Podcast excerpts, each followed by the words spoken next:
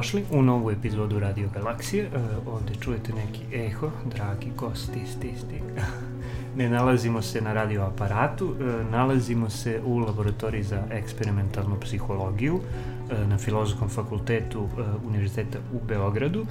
Bili smo ovde ranije, e, ali tad nismo pričali, pričali zapravo o, o toj suvoj eksperimentalnoj psihologiji u smislu e, percepcije, opažanja i tako dalje. Više smo, razgovarali smo sa Milicom o e, istraživanjima stavova zapravo, a, a, što je jedna druga vrsta istraživanja psiholoških, a sad smo u, u pravom eksperimentalnom okruženju sa pravom eksperimentalnom temom, iako možda ne bi zvučalo na prvi pogled a, da može da se ispituje eksperimentalno. Ako ste videli u najavi, pričat ćemo o estetici, i o jednoj specifičnoj zapravo oblasti koja se bavi estetikom, a to je eksperimentalna estetika, to je oblast psihologije, oblast psihologije umetnosti, dajde sad da, da ne dužim ja previše, objasnit će nam naš gost, a gost je Slobodan Marković, profesor, redovni profesor na Odeljenju za psihologiju, drži dosta različitih predmeta, između ostalog i psihologiju umetnosti i um, eksperimentalnu estetiku i bavi se zapravo um, empirijskim istraživanjima kada je u pitanju um, estetika. Um, zdravo, dobrodošao u Radio Galaksiju. Uh, u stvari sam ja došao k tebe u goste. Ništa, hvala Dušane što si me pozvao. Ja ovaj, predlažem da nastavimo razgovor na, na ti, dakle nema razloga da prepersiramo pošto se znamo.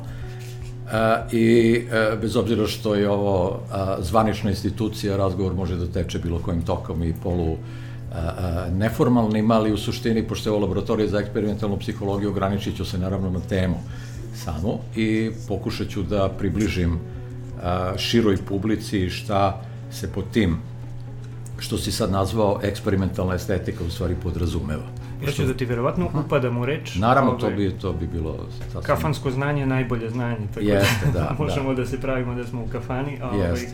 Ili u taksiju, recimo. Ili u taksiju. uh, šta tu sve može da se čuje. Mm. Um, ok, ajde da, da u stvari krenemo od uh, priče uh, vezane za zapravo uh, to uh, šta je šta sve može da bude estetika u kontekstu psihologije pošto estetika, e, kakvu, ajde kažemo, laici e, znaju, je u stvari filozofska disciplina. I sve do u suštini 19. veka se nije verovalo e, da bilo šta vezano za estetiku, za lepo i tako dalje, može da se na neki način empirijski ispita. To su bile nedodirljive kategorije za, za merenje i tako dalje. Međutim, onda se desio jedan prevrat, da to tako kažemo, u tom polju i eksplodirala su zapravo empirijska istraživanja. Pa šta je estetika u, da. u psihološkom kontekstu? Uh, sve što čovjek doživljava i svi procesi koji se uh, zbivaju u našem mentalnom aparatu, da tako kažem, jesu predmet psihologije. A jedan od uh, takvih uh, doživljaja, odnosno jedna kategorija tog doživljaja jeste i estetska. Tako da, uh, kao što se psihologija bavi uh, donošenjem odluka o različitim životnim pitanjima, u što spadaju i greške u tim odlukama, pa onda imamo kliničku psihologiju koja se time bavi, tako su i estetske odluke predmet psihologije kao i bilo šta drugo. Problem je u tome što se pod estetikom često podrazumeva filozofska disciplina ili filozofska estetika, međutim, filozofija se bavi praktično većinom problema kojima se bavi i psihologija. Mm -hmm. I jedan od tih velikih e, prvih psihologa još u 19. veku je e, to lepo rekao, da je psihologija nastala kao pokušaj da se na stara klasična filozofska pitanja, da ne kažem metafizička pitanja, daju odgovori korišćenje metoda prirodnih nauka. Mm -hmm. I jedna od tih metoda je i eksperiment, pa je u tom smislu eksperimentalna estetika jedan hibrid gde se e, e, zapravo pod lupu istraživanja ili eksperimentalne metode stavljaju estetski fenomeni. A mhm. estetski fenomeni nisu nešto što je nezavisno od čoveka, to isto mhm. ovde potrebno istaći, to nisu stvari koje postoje po sebi negde, o čemu je jedna ili nekoliko tih disciplina ili pravaca u filozofiji govorilo, nego estetika vezana isključivo za ljudski doživljaj. A sve što je ljudsko, nama u psihologiji nije strano, tako da između ostalog, eto, i, i, i ti, mi to zovemo estetski fenomeni. Mm -hmm.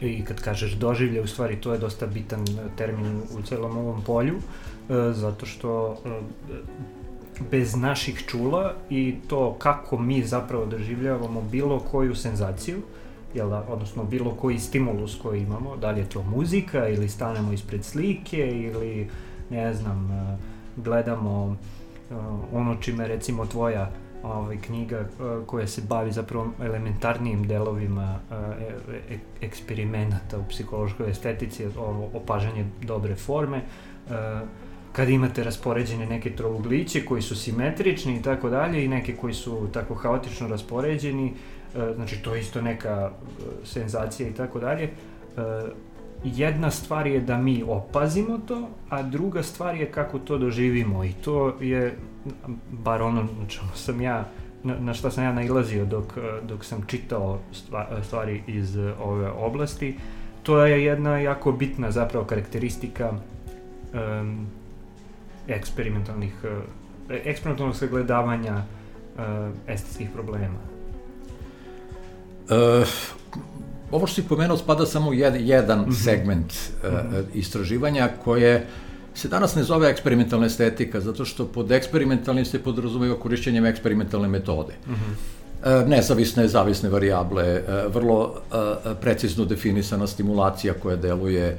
Tipičan primer za eksperimentalnu estetiku je vezan za njen sam nastanak, a da napravim malu digresiju, eksperimentalnu estetiku kao termin kao sintagmus, ovo je Gustav Theodor Fechner, inače mm. poznat kao fizičar, a i osnivač psihofizike kao jedne posebne discipline koji ispituje odnos između a, sveta fizike, fizičkih draži, pre svega intenziteta stimulacije i našeg doživljaja tog intenziteta, senzornog doživljaja, ne nekog emocionalnog.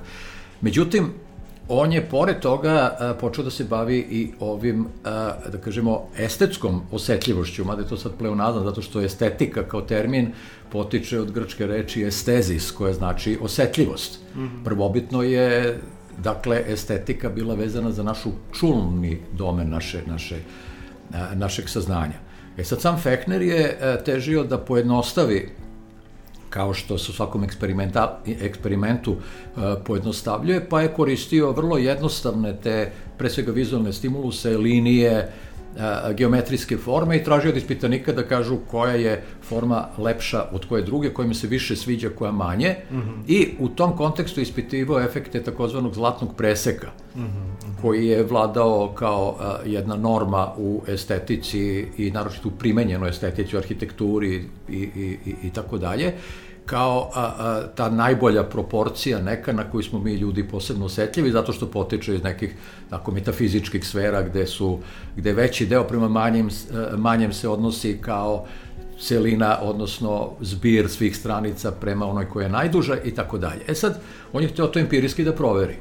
Mhm. Jedno je to pretpostavljati tako što neko sedi na kauču i razmišlja o nečemu, Mislim, da, to, fenomen zlatnog preseka postoji zapravo iz, upravo ono što smo malo pre da. pomenuli od antičkih filozofa, da. presokratovaca i tako dalje, a on je u stvari sad primetio da to na neki način možda može da se ispita tako što će pita ljude. Da, da, da. da nije nikakav problem meriti. Dakle, uzme se mhm. jedan uh, pravugaonik i onda mu se variraju odnosi između stranica. Dakle, mm -hmm. i ti odnosi mogu biti u, u proporcionog fi ili fi prim, jedan prema jedan koma, pa sad to, to, to, to postoje različite, eh, različite decimale, 1,6 i tako dalje.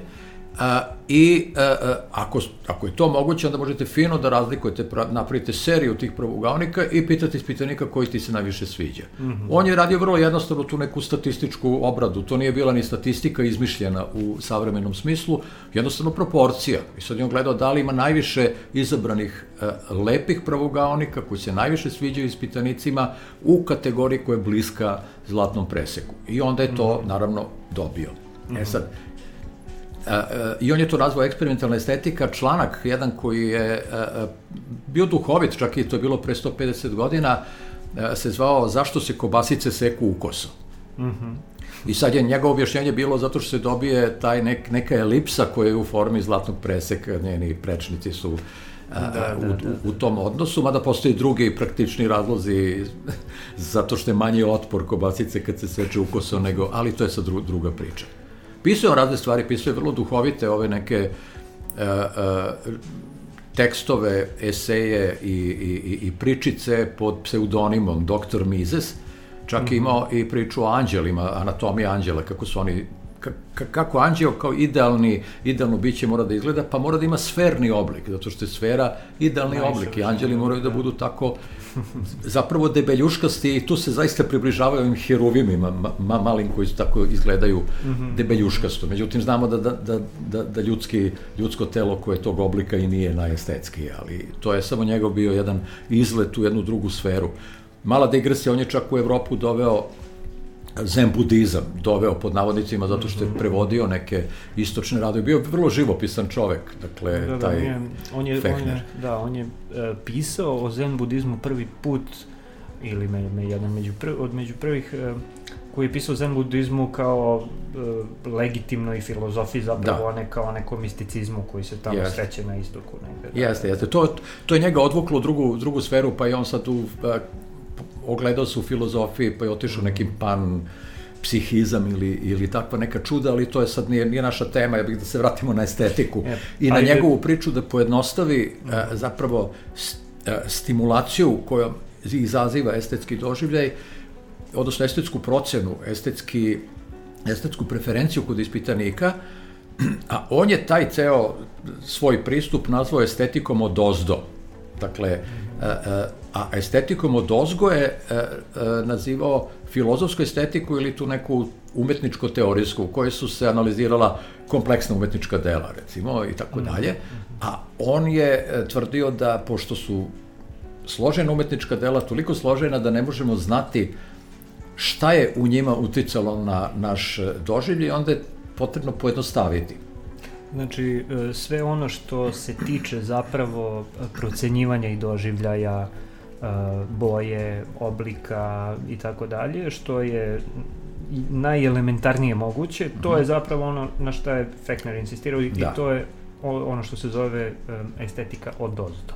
Da. Mm, e, dobro. E, to je recimo, izvini, to je to što se tiče tih proporcija forme, recimo onda odnos a, a, zaobljenosti i ugovnosti forme, koji isto može mm. lepo da se, da se varira, a, zatim boja, gde sad možeš da variraš zasićenost boje, tonalitet, svetlinu i tražiš od ispitanika da ti kaže da li se sviđa ili ne. Ili mm -hmm. postoje različite metode, ili se stave dve u paru, pa on kaže sviđa mi se jedna, a ne druga. Mm -hmm. I onda se svaka izlaže u paru sa svakom i u zavisnosti od procenta u kome se jedna najviše sviđa u odnosu na sve ostale, ona ima najvišu vrednost i tako dalje. To je, mm. to je jedna od metoda. Treća metoda je da se procenjuju na skali, recimo od 1 do 5. Izlože mm. se jedna slika i onda se sad ispitanik daje neku nezavisnu ocenu, ne poredi direktno sa drugom, nego jednostavno u svom nekom sistemu vrednovanja daje ocenu. Mm. Um, ono na šta sam još nailazio, sad je mala digresija, ali nema veze, um, skale, recimo 1 do 5, jesu one jedan je ono uopšte mi se ne sviđa, a pet mnogo mi se sviđa ili su zapravo uh, ne znam sad kako se to kaže zapravo u psihometriji kad, kad nemaš negativnu konotaciju na skali nego zapravo imaš da, posle te, te da. bipolarne skale i ove unipolarne da, da, da, da, da tako da, da. nazovemo Pa, ima i toga, u zavisnosti od cilja istraživanja e, ljudi koriste različite skale. Mm -hmm. Recimo Charles Osgood koji je napravio čuveni semantički diferencijal, to je jedna te tehnika e, merenja koja se sastoji od tih skala gde procenjujemo svoj afektivni, subjektivni, konotativni doživljaj raznih stvari i on se primenjuje često i u a, ispitivanju našeg doživljaja a, složenih umetničkih dela, dakle, mm -hmm. ne, ne, ne ovih gde stoje, na primer, od toga lepo ružno, na polovima u sredini se nalazi nula, a onda kao kod temperature, toplo-hladno, a u sredini je neutralno. I sad imate uh, slabo, jako, uh, uređeno, neuređeno, veliko, malo, dinamično, statično i tako da. I tako niz, ogroman niz tih skala sa pridavima suprotnog značenja na polovima se daje ispitanicima i onda oni tu procenjuju mno, mnoštvo toga i onda se uradi faktorska analiza, jedna, jedna tehnika tako popularno nazvana i koriste se radne metode, glavni komponenti i tako dalje, i onda se izlače zapravo grupe tih skala koje su međusobno najviše povezane mm -hmm. i koje su najudaljenije od drugih, tako da onda dobijemo mm -hmm. zapravo strukturu doživljaja, što je sad posebno zanimljiva stvar koja prevazilazi uh, jednostavnu procenu sviđa mi se, ne sviđa mi se. Ovo mhm. kaže i na koji način se sviđa. Dakle, postoje mhm. različite vrste strukture našeg doživljaja koju ne možemo da ulovimo pitajući samo nekog da li ti se nešto sviđa ili ne. I, da. i, I na kraju krajeva ako gledaš neku složenu umetničku sliku, šta ćeš reći, sviđa mi se slika, ne sviđa mi se slika. Neki aspekti slike ti se sviđaju, neki ti se ne sviđaju. Da. Ako gledaš neku užasnu scenu, e, e, ne znam, ne, u nekom gojinu, neku sliku ili, ili neku ekspresionističku, ona ima odvratan sadržaj koji ti izaziva mm -hmm. mučninu, mm -hmm. a slika ti se sviđa. Mm -hmm. Ili, ili drugde, negde ti se sviđa forma, a boja ti je bljak. Mm -hmm a ti treba da daš jednu ocenu. I u tom smislu su ove finije, e, da tako kažem, procene, ti daju malo precizniju sliku i ma, mapira taj prostor estetskog doživlja, a to je već sad ulazimo u estetiku od ozgo. Dakle, to su već složene stvari gde nas ne, ne, ne zanimaju slike. Ne, ne želimo da ispitujemo šta je to u slici što nam se sviđa, nego kako izgleda struktura našeg doživlja, od čega se nalaze, ajde, mm -hmm. instrumenti kojima mi merimo bilo šta. Da, to je sad komplikovano. Hteo sam da pričamo i o tome u stvari, zato što upravo to. E, te vrlo, vrlo redko može da se kaže vrlo jasno ovo mi se sviđa, ovo mi se ne sviđa. I e, ono što sam zapravo viđao u, u istraživanjima i koje si ti radio i u, u knjigama i tako dalje, na, na kursevima koje držiš, e, da postoji više kategorija tih, da li je nešto prijatno, da li je neprijatno, da li je nešto simetrično, da li je nesimetrično i tako mhm. dalje. Ovaj E sad, možda možemo da uđemo u to kako se zapravo dolazi, dolazi do e, svih tih segmenata, aspekata e, lepog koji se mere i kako se prave ti instrumenti. Ajde, to je, da. mislim, da to je najzanimljivije zapravo istraživački. Jeste, pa evo upravo sam ja sad ovim krenuo e, o, o tome da pričam, to je ta tehnologija, tu se daju i Ideja koja ovde stoji je e, takozvana leksička hipoteza koja je prisutna u drugim oblastima psihologije, psihologije ličnosti. Mhm. Ideja je da se u našem jeziku izražavaju svi relevantni sadržaj naše svesti i sve ono što nam je bitno.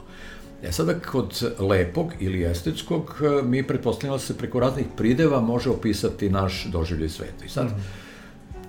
mi dajemo ispitanicima ogroman veliki broj uh, tih e, deskriptora, opisivača tog našeg impresija, malih impresija, i oni upravo preko ove te tehnike statističke koja se zove faktorska analiza, izvejamo te grupe, te to nisu kategorije, zato što kategorije podrazumevaju da su to odvojene kućice u kojima stoje neki deskriptori, oni se mm -hmm. preklapaju međusobno, oni su svi međusobno povezani, ali su najpovezanije neke u, u grupu. Ja, ne isključuju jedno drugo, da, da, da, e, i, se izrazio, da. I, I u tom smislu smo, u, u nekim, za neke kategorije objekata se neke udružuju u jedan jedinstveni faktor, negde se, mm -hmm. to su vrlo zanimljive ovaj, načini njihovog, ajde, dinamike, u stvari, ne znam, ako, ako kažeš za ne... Interakcije između zapravo... Jest karakteristika. Jeste, nekad se, i tu smo izbegli te bipolarne skale, nekad je e, vrlo nejasno, nego mala digresija koja je e, zapravo proizlaši nekih ranijih istraživanja, to je da ako imaš jednu skalu, na primer, e, jednostavno složeno, mhm. drugačije, drugačije će biti ako napišeš jednostavno komplikovano mm -hmm. ili prosto složeno. Jer nose mhm. različite konotacije, recimo. Mm -hmm. Bolje je biti jednostavan nego komplikovan i bolje je biti složen nego prost. Da, da, e, da. ove dve skale su u visokoj korelaciji, dakle, to naravno da, da, da znamo šta je, ovdje ima nečeg malo, ovdje ima nečeg mnogo. Mm -hmm. Međutim, one nisu toliko, ovo, e, komplikovanost ide u haotičnost, zamršenost, Mm -hmm. a ova uh, jednostavnost ide u uređenost. I onda je to neka potpuno druga dimenzija koja se uh, lepo primenjuje na neku vrstu objekata koji su nam bitni.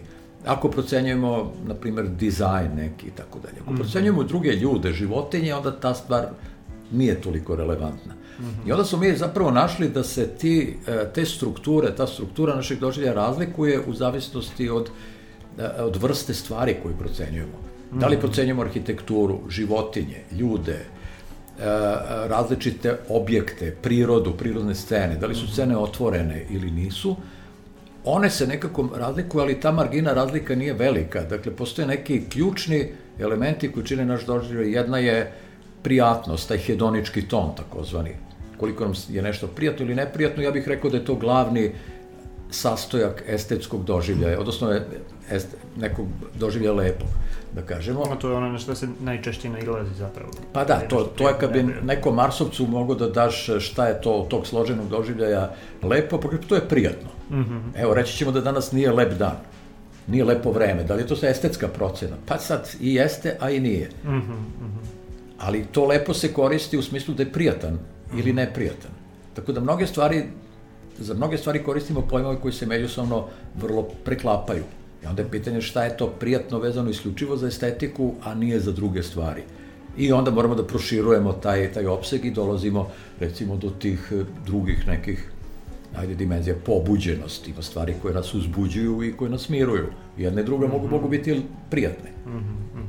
Dakle, da, da, da, da, dakle, to nisu jednostavne stvari i tek kad čovjek uđe u to, onda vidi koliko tu ima posla i da, e, da je lako reći e, estetski fenomeni ne mogu da se mere. Mogu da se mere, ali je to rudarski posao mm -hmm. i treba znati kako, kako se to radi. Mm -hmm. To je odgovor onim filozofima koji misle da ne mogu da se mere tako subtilni doživljaj. Mm -hmm. Doživljaj isto važi i za etiku, mm -hmm. za pitanja moralnih odluka, time se isto bavi psihologija, bavi se i filozofija. Mm -hmm. Na različite, naravno, načine. Da. Um, u nekom trenutku, znači, mi smo pričali o, pričali smo o Fechneru i kasnije se zapravo uh, oblast uh, empirijskog istraživanja razvijala na razne načine. Uh, ono što je meni uh, tu zanimljivo je u stvari uh, ta neka i to ja mislim da, da, da ima veze zapravo sa tom Fechnerovom, Fechnerovim fizičarskim poreklom, a to mhm. je to uh, svođenje na najjednostavnije moguće stvari. Znači on je bio fizičar, bavio se um, elektromagnetizmom i tako dalje, takvim fenomenima. Ja mislim, ne znam da je tačno da je on prvi empirijski dokazao Omov zakon ili, ili tako nekako. Ja mislim da jeste. Da, da se time bavio, da, ali da, dobro. Um, međutim, da, mnogo je zapravo poznati u psihologiji i zbog onog Weber-Fechnerovog zakona i da. tako dalje. Um, e sad, ta, ta neka zapravo ideja da sve mora da bude, kako si malo pre rekao, jednostavno, uh, i svedeno na, na, na jednostavnije moguće elemente, je nešto što se kasnije razvijalo. Znači, to je u suštini antička ideja koja, ono, imamo vatra, voda, vazduh, zemlja mm. i kao sve se sastoji, ovo je od vatre, ovo je da. Uh, slična stvar je, verovatno, i u opisima um, estetskih problema zapravo, jel da? E, koje su to najjednostavnije, najjednostavniji elementi i kako se da, kasnije zapravo razvilo u, u ovo što je sad imamo, znači te složene deskriptore mm -hmm. i tako dalje. Šta je bilo ono prvo, šta je, kako se to razvijalo? To? Razvijalo se onako, da izvineš na izrazu, divergentno. Dakle, išlo je na razne strane, jer Fechner je bio tako jedno izolovano ostrvce i on, to je njega zanimalo, on se time bavio, nije dobio nikakve pare na, za neke projekte da se time bavi. Međutim, psiholog je ne samo eksperimentalna, nego i ostale umetnost uvek zanimala. Mm. I svako imao svoju ideju kako, ovaj, koji su aspekti tog doživljaja biti. Psikoanaliza, Freud se bavio umetnošću, mm ali je tu uh, više bio usmeren na ove neke uh, ajde, priče, odnosno narativne umetnosti, mm koje su fino išle na njegovu priču, on je jurio tu likove e, i tražio medipove komplekse i slično po romanima ili, ili ovim raznim pričama, mitovima.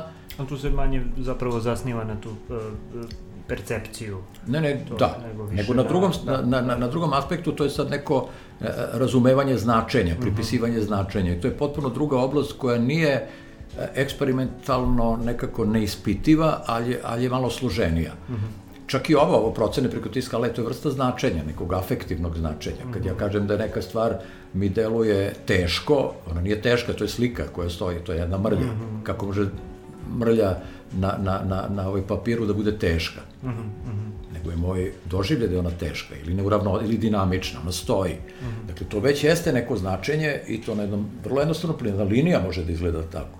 Mm -hmm.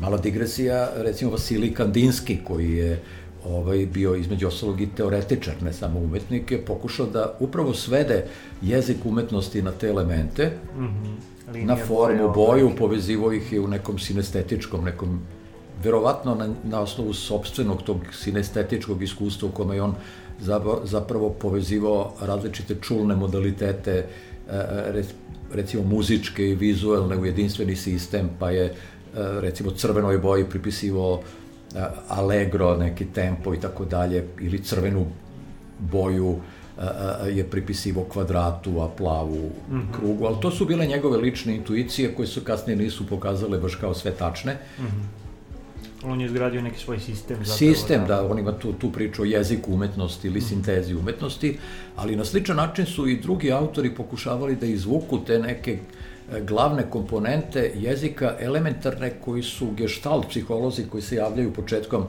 20. E, veka e, nekako doveli u pitanje zbog toga što su smatrali da je celina, organizacija, sklop taj koji određuje doživlje, a ne pojedinačni delovi. Mm -hmm. U ostalom i sam Fechner se nije bavio delo, elementima, nego, nego kombinacijama, dakle, duži prema kraćem segmentu. Onda jednu liniju i kaže podeli mi na dva nejednaka dela tako da ti izgleda najbolje. I onda dobije te segmente koji su u formi zlatog mhm, preseka. Mhm. Ako traži da podele na jednak, napraviće simetrično po simetrali nekoj. Će e, to sve lepo da preseče. I u tom smislu su geštaltisti E, otišli korak dalje i e, e, insistirali na tome da nema elemenata, mm -hmm. nego ima celine, celina prethodi elementima. Da. Ono što laici misli, ili e, čak i mnogi psiholozi pogrešno tumače proces tog opažanja ili tog čulnog saznanja, tvrdeći da mi prvo imamo neke sitne senzacije, pa ih onda slepimo i nekako za, ono, ujedinimo neke celine. -hmm. Ne, mi prvo vidimo celinu, pa onda razlažemo ih na delove. Mm -hmm. Dakle, e, nekad u nekim patološkim stanjima teško je odvojiti, recimo, boju od forme. Mm -hmm. Ona je slepljena u jedinstveni objekat i to je sad potpuno druga, drugi ugo gledane na stvari, druga da. paradigma. Da, sve to zapravo, da, dosta smo tih nekih uh, dualnosti pomenuli, tako da imam utisak da sve zapravo funkcioniše po, po principu dualnosti. Znači, s jedne strane celina, s druge strane Jest. elementi. S jedne yes. strane je oštro, s druge strane blago, tupo ili yes. kako već i tako dalje. Um, s jedne strane klasicizam, s druge strane neki ekspresionizam imaš. Mm -hmm, mm -hmm. Mi smo i u istraživanjima stilova umetničke gde su po ovim raznim tim skalama, dimenzijama se procenjivala umetnička dela pa i arhitektura. Uvek se dobije u dva najopštija neka klastera, dve grupe. Jedna koja je uređena, pravilna, smirena, mm. e, i, i tako dalje, i druga koja je živa, puna boja, bez jasnih kontura, razuzdana i slično. I kad pogledamo te radne pravce umetnosti, zaista se izdvajaju te dve. Mm. Jedna flegmatična i druga kolerična, nazovimo tako kolokvijalno. Sad će zli jezici reći da se ovaj, o ukusima ne raspravlja, ali zapravo E, metodologija koja se razvila kroz sva ova istraživanja, što kroz, ajde, gestaltistički pristup koji je mnogo više filozofski, koliko ja kapiram, uh -huh. nego, nego neki ovaj, suvi empirijski, eksperimentalni, ovaj, i tako dalje. Um, zapravo nam to pokazuje da se raspravlja o ukusima, je li to tačno?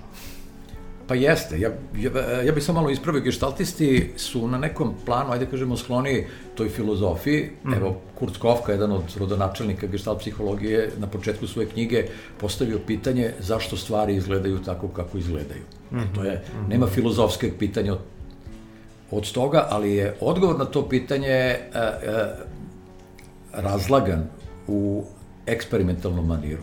S tim što to nije eksperiment u ovom smislu, to, oni to zovu fenomenološki eksperiment, da daju se složenije stvari, složeniji odgovori i samo je stimulacija kompleksnija. Kada, recimo, dve tačke koje se, e, e, koje osciliraju jedna iznad druge, opaze kao krajevi štapa koji se rotira po dubini.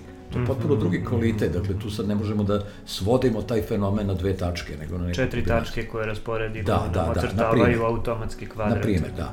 Ali što se tiče ukusima ne vredi raspravljati, oni su upravo smatrali da e, u ukusima ne da vredi raspravljati, nego da individualni ukusi nisu presudni u estetskom doživlju i da ono što spaja, recimo, e, doživljaj umetnika koji je nešto napravio i doživljaj publike jeste identičnost ili sličnost naših mentalnih aparata, našeg perceptivnog aparata. Mm -hmm, i da čak i e, a, neko ko nije obučen umetnosti može lepo da razume neko umetničko delo u, smi, u nekom najdostavnijem smislu da vidi koliko ono pobuđeno, ur, uređeno i tako dalje. Mm -hmm. Jer šta umetnik slika po geštaltistima? Ona je slika a, ne a, kopira realnost ili bar ne svi na taj način što daje neku a, piksel po piksel a, korespondenciju sa projekcijom sveta. Nego daje njegovu značajnu strukturu, Tako da ono nešto smo mi osetljiva struktura, da recimo kad slika drvo, on slika razgranatost, dakle, mm -hmm. raširenost toga. Mm -hmm. I tu dolazimo i gestaltisti su to pre, predvideli, a neki savremeni istraživači, jedna moja koleginica i dobra prijateljica koja je radila na toj temi, je došla do toga da recimo pri posmatranju a, a, polokovih slika, mm -hmm. koje deluju onako par excellence abstraktno, mm -hmm. zamršeno, da u stvari e, e, ono, ona počiva na e, finoj logici kva, fraktala, da tako kažemo. Mm -hmm. I kad se uradi fraktalna analiza njegovih slika, vidi se da ona je prirodna da prirodnija ne može biti. Da ona u stvari odražava prirodu, ali drugim sredstvima. Dakle, on nije seo pa sad precrtavao -hmm. tačkicu listić po listić, nego jednostavno uzme pa, na primjer, napravi krupnim potezima prska boju, pa onda sve manjim iz lakta, pa onda sve sitnim, sitnim i onda dobiješ jedan dubinski dakle, prolaz kroz neki, kroz neki univerzum koji... Ali zapravo imiti... bez namere da to oslikava fraktalnu strukturu. Da, da, da, da, da ali, a, ali to tako, on imitira prirodu, dakle, -hmm. a na neki način koji e, koristi likovna sredstva. I, mm -hmm. I taj neki sad odnos između toga šta je neko hteo da prikaže ili ne, je, e, e, ne zavisi od neke naše lične volje da ja sad tu vidim bilo šta. Mm -hmm. To može da mi se svidi više ili manje. Ja mogu da budem skloni nekoj, nekom klasicizmu ili nekoj klasičnoj umetnosti ili modernoj. To zavisi od strukture ličnosti. Mm -hmm. I to su sad individualne razlike koje je posebna tema. Kulturološki, u suštini. I kulturološki, ali u okviru kulture postoje veće individualne razlike nego što postoje kulturne razlike. Mm. To je mhm. isto zanimljivo. Mm -hmm. Kultura nameće neki, e, neki glavni obradac, a šta je glavni obradac koji je dala kultura 19. i 20. veka? Sve i svašta. Mm -hmm. Od, nadreali, od hiperrealizma pa do nekog informela. I šta je tu sad vladajući? Pa- Pogotovo pa... sa postmo, postmodernom filozofijom zapravo danas... Da. da. Mm sve, sve, sve je moguće. Međutim, tu je individualni ukus taj koji je zanimljiv socijalnim psiholozima, mm -hmm. onima koji se bave i pedagoškom psihologijom, kako učenje, obuka utiče na naše e, izoštravanje tog, e, da kažemo, estetskog čula. Mm -hmm. ali, ali generalno gledano mi imamo svi dobru, dobru osetljivost na a, a, lepotu ili ružnoću ili na čak elementarno značenje tih umetničkih dela koje nam se, koje nam se predstavi. Mm -hmm. Tako da ukusima vredi raspravljati, jer te individualne razlike nisu beskonačne. Čak i neke vrlo a, bizarne a, individualne preferencije koje srećemo recimo u fetišizmu, koje sad nema veze sa umetnošću, gde neko nešto voli, ubeđen sam da, bez obzira koliko on deluje uvrnuto, da ćete naći još jednog makar čoveka koji je... Mm -hmm. Evo mala digresija, ovde u laboratoriji relativno davno Dušan Makavejev održao jedno, jedno, jedno divno predavanje, mm -hmm. u kome je pomenuo slučaj nekog momka malo uvrnutog u požarevačkoj kasarni u vojsi, gde ga on snimao, koji je za flašu piva sebi u kožu uži, u, ušivo dugmat. Mm -hmm. I sad, on kaže, mm -hmm. bio u Americi negde i negde u nekoj, uh, na nekoj tribini je to pričao. I to neka Amerika, neka onako srednja Amerika, potpuno neka, da ne kažem šta. I -hmm. završio je predavanje i prilazimo jedna gospođa, kaže, jo, izvinite, to, ja znam čoveka koji isto to radi, ne znam, u nekom selu u, šta je bilo, Nebraska ili neka, neka tamo nedođija. Dakle, Mm -hmm. Požarevac i Nebraska, blage veze nemaju jedne s drugim, ali je neka sličnost, neka rezonanca koja dolazi iznutra, određuje naše ponašanje i to je priča da naši te individualni ukusi, da sva, koliko ljudi, toliko ćudi, nije u potpunosti tačna, to psihologija zna. Svodivo je sve na mhm. relativno neke ograničene tendencije, nema, ne postoji jedna tendencija, ali ih nema ni beskonačno. Mm -hmm. I kad kažemo o tendencijama, možemo sad da se vratimo na ovaj empiristički pogled ovaj, na, na sve to. U stvari, uh, mi mnoge stvari možemo da opišemo, jel te, normalnim Gaussovim raspodelama, raspodelama, znači kad vi date, odaberete, uh, ne znam, hiljadu ljudi i date im kvadrate, a one koje smo pominjali na početku, odnosno pravougaonike, oni će verovatno da se sa svojim ocenama raspodele u normalnu raspodelu, odnosno neka centralna tendencija će biti oko te neke koja za koje su mhm. o, je najviše njih reklo da je najlepša, a one koje su ne znam, uski, dugački, visoki kvadrati ili široki, debeli kvadrati ili tako dalje, ovaj, uh, mi, bit će manje zapravo, da. da. Uh, e sad, pitanje je ono što smo možda pomenuli, sad ne mogu da se setni kad smo krenuli ili pre nego što smo počeli da snimamo, a to je da li je nama taj kvadrat, odnosno pravougonik koji je zla, zlatnog preseka uh, dimenzija, da li je nama on lep zato što je zlatni presek ili nam je uh, zlatni presek nije, šta sam hteo sad, kako sam stvari hteo postaviti pitanje?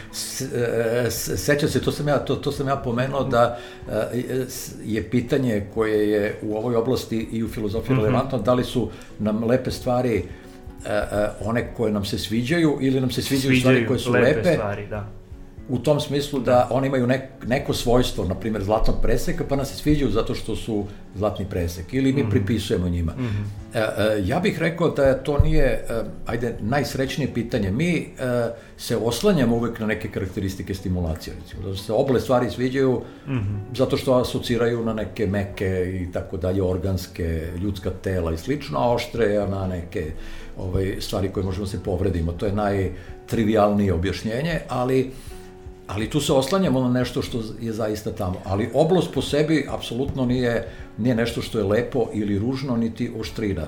Onda bi ceo kubizam i Bauhaus bio ružan ili mm -hmm. i sva arhitektura, mm -hmm. pogotovo gotička, bila ružna. Nije.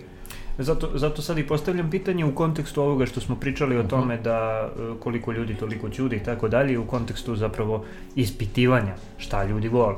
Um, da li nam zapravo to šta ljudi vole govori o tome šta je lepo ili postoji neka objektivna Da, ja bih rekao da je tako. E, ljudi nam govore šta je lepo, ali govore nam šta je lepo na osnovu svog odnosa sa tim svetom.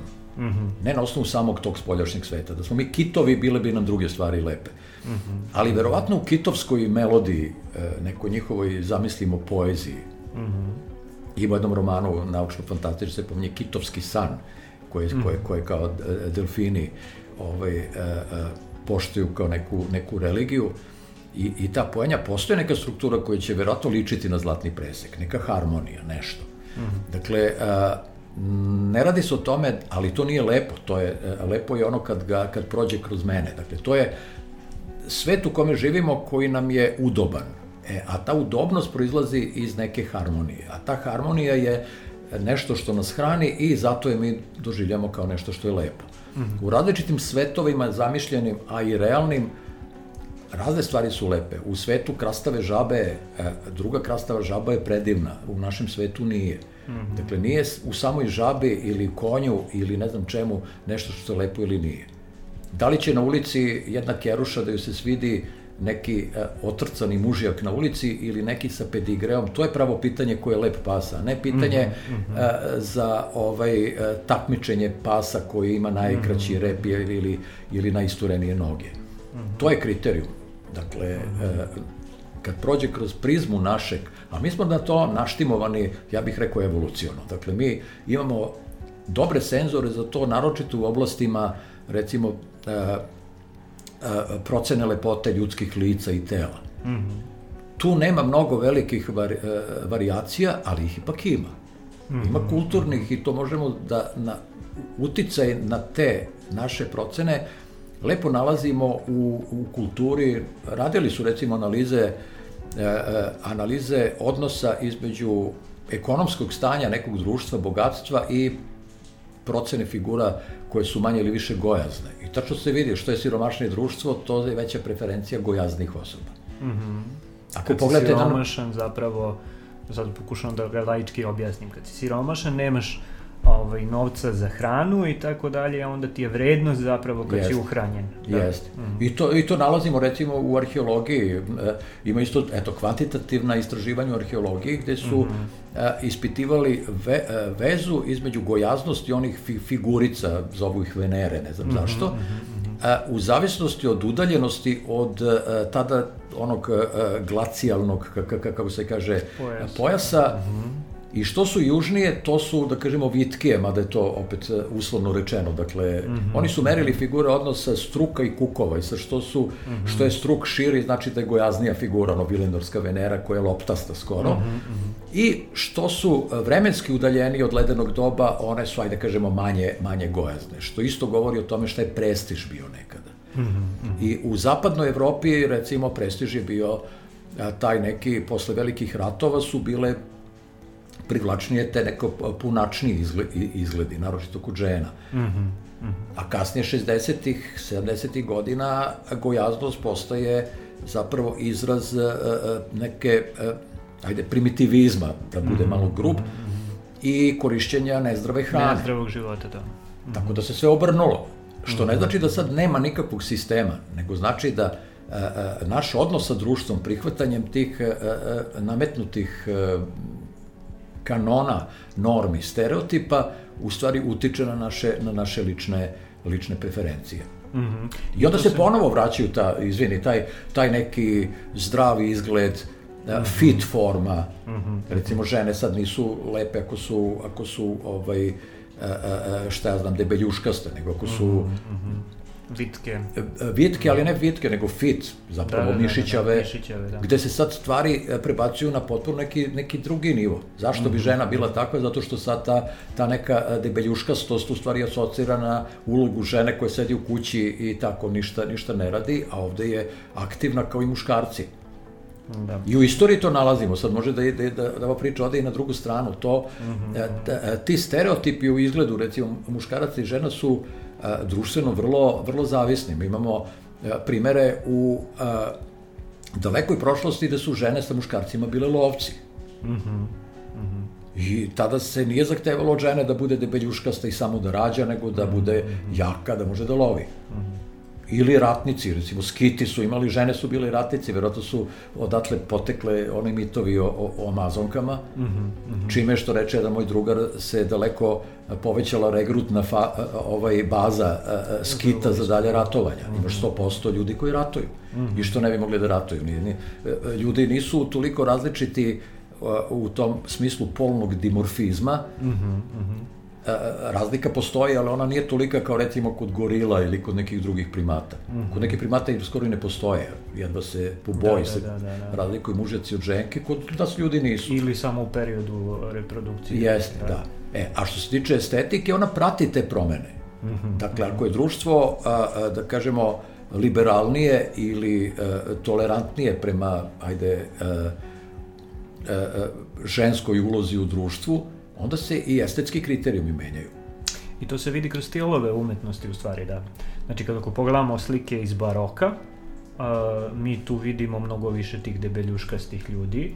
Uh, da budeš pristojan, mislim, ne samo debeljuškastih, nego baš onako gojaznih. Gojaznih, da, da, da. I to je muškaraca i žena, to je, da, da, potpuno da, su svi... Da, da, da ali ako se vratimo recimo nazad u antiku pa pogledamo sve te ovaj, skulpture u uh mhm. -huh. antičkoj Grčkoj ili, uh mhm. -huh. ili pogledamo recimo um, ne znam kako su u, u, u antičkom starom Egiptu predstavljani vladari, Jest. ljudi i tako dalje, to je potpuno druga dimenzija. Jeste. Da.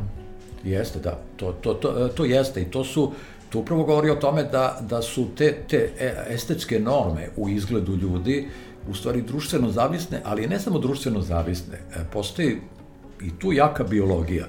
Neke stvari mogu da se menjaju, recimo mhm. mišićavost, e, e, gojaznost, uzmi sumorovače, mislim, oni su sad nekako -hmm. idealizovani, ali oni su jedna posebna kategorija koja je takva. Ima u Africi jedno pleme Omo, ja mislim da se zove, gde se muškarci takmiče ko će imati veći stomak. Mm -hmm. Dakle, to su sad neke te specifičnosti raznih kultura, ali generalno gledano evolucija nas napravila tako da obavljamo određene funkcije što bolje možemo, dakle budemo što efikasniji. I to se negde zadrža u našem sistemu, recimo e, u estetici muškog tela.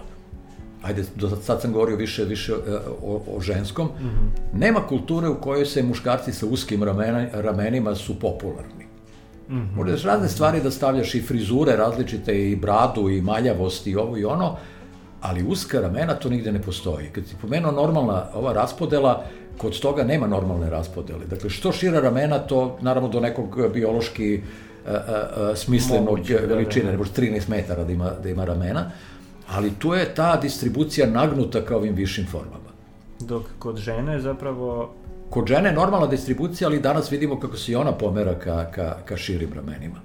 Ali Recimo. opet sa, sa druge strane, da, i tu si sad lepo naveo na ono, ovo tvoje što, što radiš, a to je da ako gledamo ružnoću zapravo po tim po kriterijumu širine mhm. -huh. ramena, kod muškaraca što su šira ramena zapravo ne pojavljuje se taj uh, to je jel da, da. ovaj ne, neko tvoje ovaj to se ne jeste zato što sam radio više tih da da da znači uh, kada muškarac ima uska ramena onda ima malo ljudi zapravo koji će da reći e da to mi se baš sviđa ali kad ima široka ramena ima dosta ljudi jeste uh, s druge strane kad su žene u pitanju um, uska ramena i jako široka ramena su podjednako neatraktivna, ne, ne lepa, jel da? Jeste, to je onaj. zapravo, da. O, ta, taj oblik deluje kao a, a, obrnuta ova normalna distribucija, kao U neka distribucija, mm -hmm. la, latinično U, gde su ekstremi su u stvari e, ono što a, nije. što nije preferentno i to je opet u skladu s evolucionom, mislim i Darwin i, i, i Dobžanski, mm -hmm. ne znam, mnogi su govorili o tome, da u stvari ti, ti ekstremi ukazuju na neke ne, e, da, da su to morfološki pokazatelji nekih genetskih nedostataka. E sad, neki od tih od tih promena nisu toliko ekstremne i ukazuju na neke povoljne stvari. Recimo, žena sa širokim ramenima može dalje da baci koplje. Mm -hmm. To nije mm -hmm. nužno vezano za, za, za opstanak žena. Zašto bi... Da, da. Ali sa druge strane, uzan struk i široki kukovi su uh, ajde, uh, nužan uslov za... Reprodu, reproduktivno u reproduktivnom su po, smislu, i to, i to se zna. Da. To su korelacije urađene da I to ne samo sa širinom kukova, nego iz nekog razloga i sa uskoćom struka, tako da taj oblik pečanog sata mm. je privlačan najverovatnije iz, iz tih evolucionih razloga, mm -hmm. zato što, što ukazuje na i plodnost i, i, i, i podnošenje trudnoće. E, danas kada opstanak čovečanstva nije E, oslonjen na e, zapravo snalaženje u nekim prirodnim uslovima, bar u zapadnom industrijskom svetu, ne treba koji nije samo zapadni, da, da, to nije najvažnija stvar. Mnogi ljudi hrana. žive bez dece ili imaju jedno, dvoje dece, e, medicina pomaže da se trudnoća podnosi, mm -hmm. tako da taj neki, ajde, životinski uslov za prepoznavanje idealnog partnera i nije toliko, toliko presudan. I onda je naravno tu uskače kultura, mm -hmm. pa onda postavlja druge uslove. Mm -hmm. Sad, ja ne vidim razliku zašto bi bila, na primjer, loša biologija, dobra kultura ili kultura takođe postavlja neke kriterijume koji su besmisleni. Moda neka koja, koja sad postavlja razne, razne ako želiš da budeš privlačan, moraš da budeš istetoviran od glave do pete, na primjer. Mm -hmm. To je sad uh, jedna nova tendencija. Mm -hmm. Vidiš, recimo, uh, ja ne znam, uh, ima ona sad već možda kontroverzna zapravo knjiga Rastka Petrovića Afrika se zove kad je on obilazio plemena u Africi i tako dalje. Ima jedan segment gde on nailazi na neku pleme koje je ekstremno istetovirano i priča o teto, tetoviranju i kaže da tetovaže u tom plemenu su zapravo odraz toga koliko je neko zreo u društvu da li ima neke veštine i znanja i tako dalje. Pa da. ne znam, kad naučiš da uloviš ribu, ti onda istetoviraš jednu tetovažu i to ti je zapravo... Da. A, I onda zapravo tetoviranost je odraz um, mudrosti, ne znam, i tako dalje, i tako dalje, dok danas Jest. ima potpuno drugu ulogu u ovom društvu. Da. Jeste, ona je izgubila, recimo, je, ajde se držimo sad na, na zapadni svet, je to važa, mm. se, e, je prvobitno bila vezana za neke marginalne i e, grupe na rubu zakona, da tako mm -hmm, kažem, mm -hmm. To su bili oni neki polukriminalci ili ono JNA se napiše neko sidro ili neka sirena i to se bilo dosta smešno ili su, ne znam, jakuze i tako dalje, to su postali mhm. grupe određene koje se tetovirale, a danas to možete da sretnete i, ne znam, advokate, lekare, da, da, da, da. da. studente psihologije i tako dalje, koji su istetovirani redovno i to mm -hmm. od, od, od, od čela pa do, pa, pa, pa do stopala. Mm -hmm. I često se to koristi kao tako neka jednostavno moda, problem s tim je što to ne možete da zamenite, da promenite frizuru, ta te, Da, da, da. tetovažu obrisati je teško. Mhm. Dakle, ona zbog toga ima ritualnu funkciju u nekim kulturama, mhm, ali ovde sada nema. Nije to Da. Malo smo odlutali, a, možemo i da napravimo jednu pauzu pa ćemo da se vratimo. Ono što me zanima u stvari da pričamo kasnije je um, šta se to promenilo zapravo u estetskim preferencijama istorijski a, i kako i kako mi to danas objašnjavamo. Ali ajde, pravimo jednu pauzu.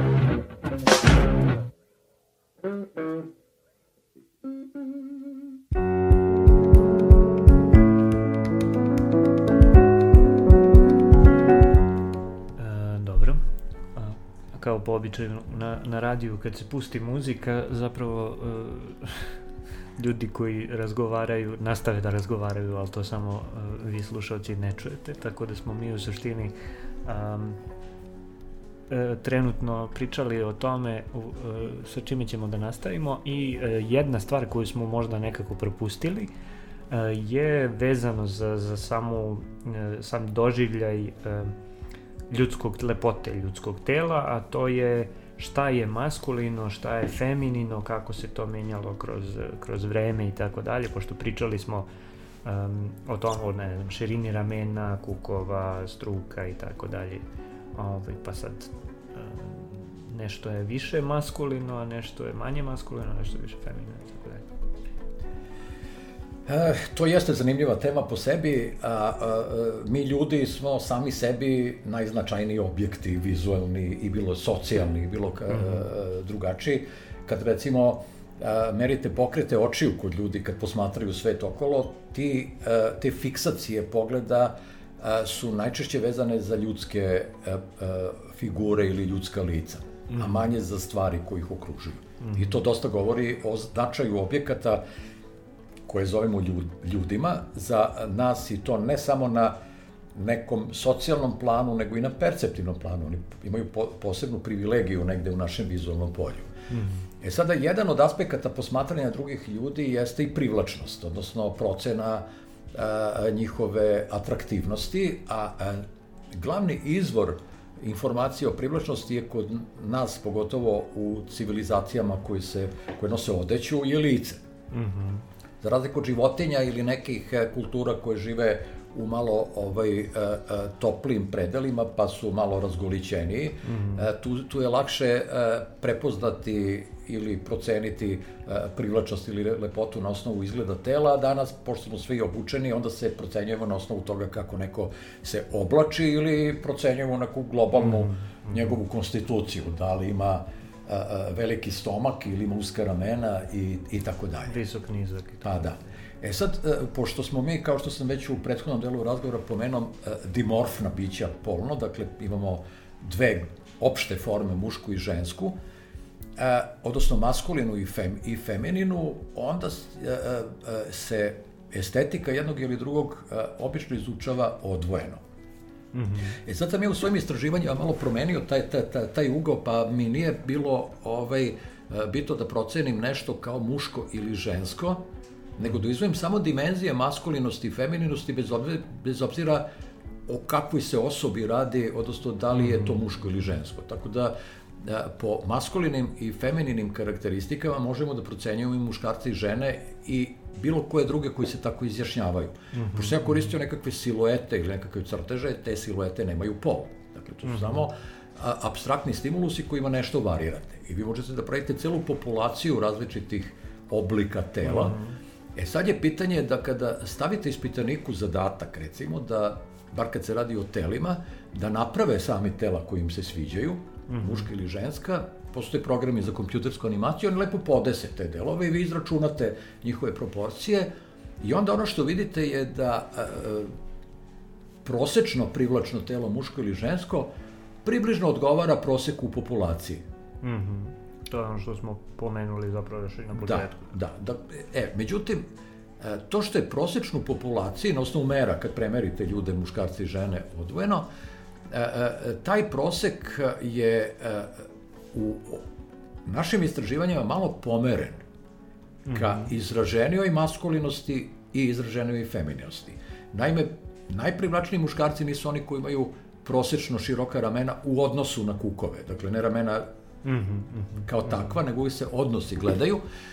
A, a žene su privlačnije ako imaju uži struk u odnosu na, na, na, na kukove. To su, to su glavni, glavni, glavni mm -hmm. faktori maskulinosti i femininosti da ne pominjem sad ostale, tu su, ne znam, i grudi, zadnjica i tako dalje. Ovo su, ovo, ovo su naj, najvažniji elementi koji određuju zapravo tu te, te, te maskuline ili feminine crte. Znači, kad kažeš e, pomereni u odnosu na prosek ka šta to tačno znači? Znači, mi imamo ljude koji su procenjeni e, objektivno, ajde da kažem, znači fizički izmereš. Mm -hmm. Da, da, da. Odnosno, to su ti tvoji fiktivni ljudi napravljeni yes. u softveru.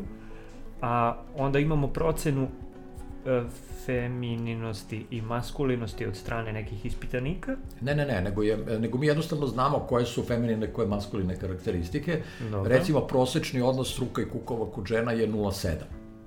Mm, dobro. I to, to važi u svim kulturama, to su kod nas ispitanice se premeravale u Americi, svuda je to. To je praktično, ajde, za, za bar a, a, a, populacije koje ovde žive, to, to je tako. Prosečan odnos ramena i kukova kod muškaraca je 1,2. Dakle, ramena su nešto šira od, od, od kukova, a kod žena su, je struk nešto uži, uži od kukova. A kod muškaraca su struki kukovi gotovo identični, a kod žena su gotovo identični ramena i kukovi. Dakle, to, su, to, su, mhm, to, to je, dakle, postavka. E sad, kad imamo to kao informaciju, pa ispitanici naprave figure koje im se sviđaju muške ili ženske, mm -hmm. onda prosečno napravljene figure, njihovi proseci se ne poklapaju sa ovim koji su objektivni. Aha. Njihovi odgovori, zapravo ono da. što ispitanici kažu da, da je prosek, Jest. nije ono što je realni Jest. prosek. I da? to se, i to se e, e, pomeraju ka nečemu što se u biologiji zove nadnormalnost, ili da kažemo mm -hmm. nadprosečnost. Mm -hmm. Tako da su muške figure, one koji su najprivlačnije, imaju, na primjer, taj odnos ramena kukova 1,3. Znači, dakle, šira su ramena, šira ramena u odnosu na kukova. A žene kojima, ko, ko, ko izgledaju privlačnije, njima je odnos struka i kukova 0,68, recimo. To je manje od 0,74, u stvari, prosek. Dakle, Što znači da je uži struk. Jeste, da je u stvari uži struk. Uh mhm. -huh. Zanimljivo je ako se, ako se u drugim istraživanjima kada se ispitanicima daju, ako se proširuje, proširuju kukovi, a struk ostaje isti, onda se ne sviđaju toliko jer to već ide u uh, drugu neku dimenziju kao što je gojaznost, tako što onda sa, mm -hmm, sa širokim mm -hmm. kukovima se ne povećava samo taj, ta femininost, nego i utisak gojaznosti i ona je često, naročito kod žena, procenjena kao nešto što je, što je neprivlačno.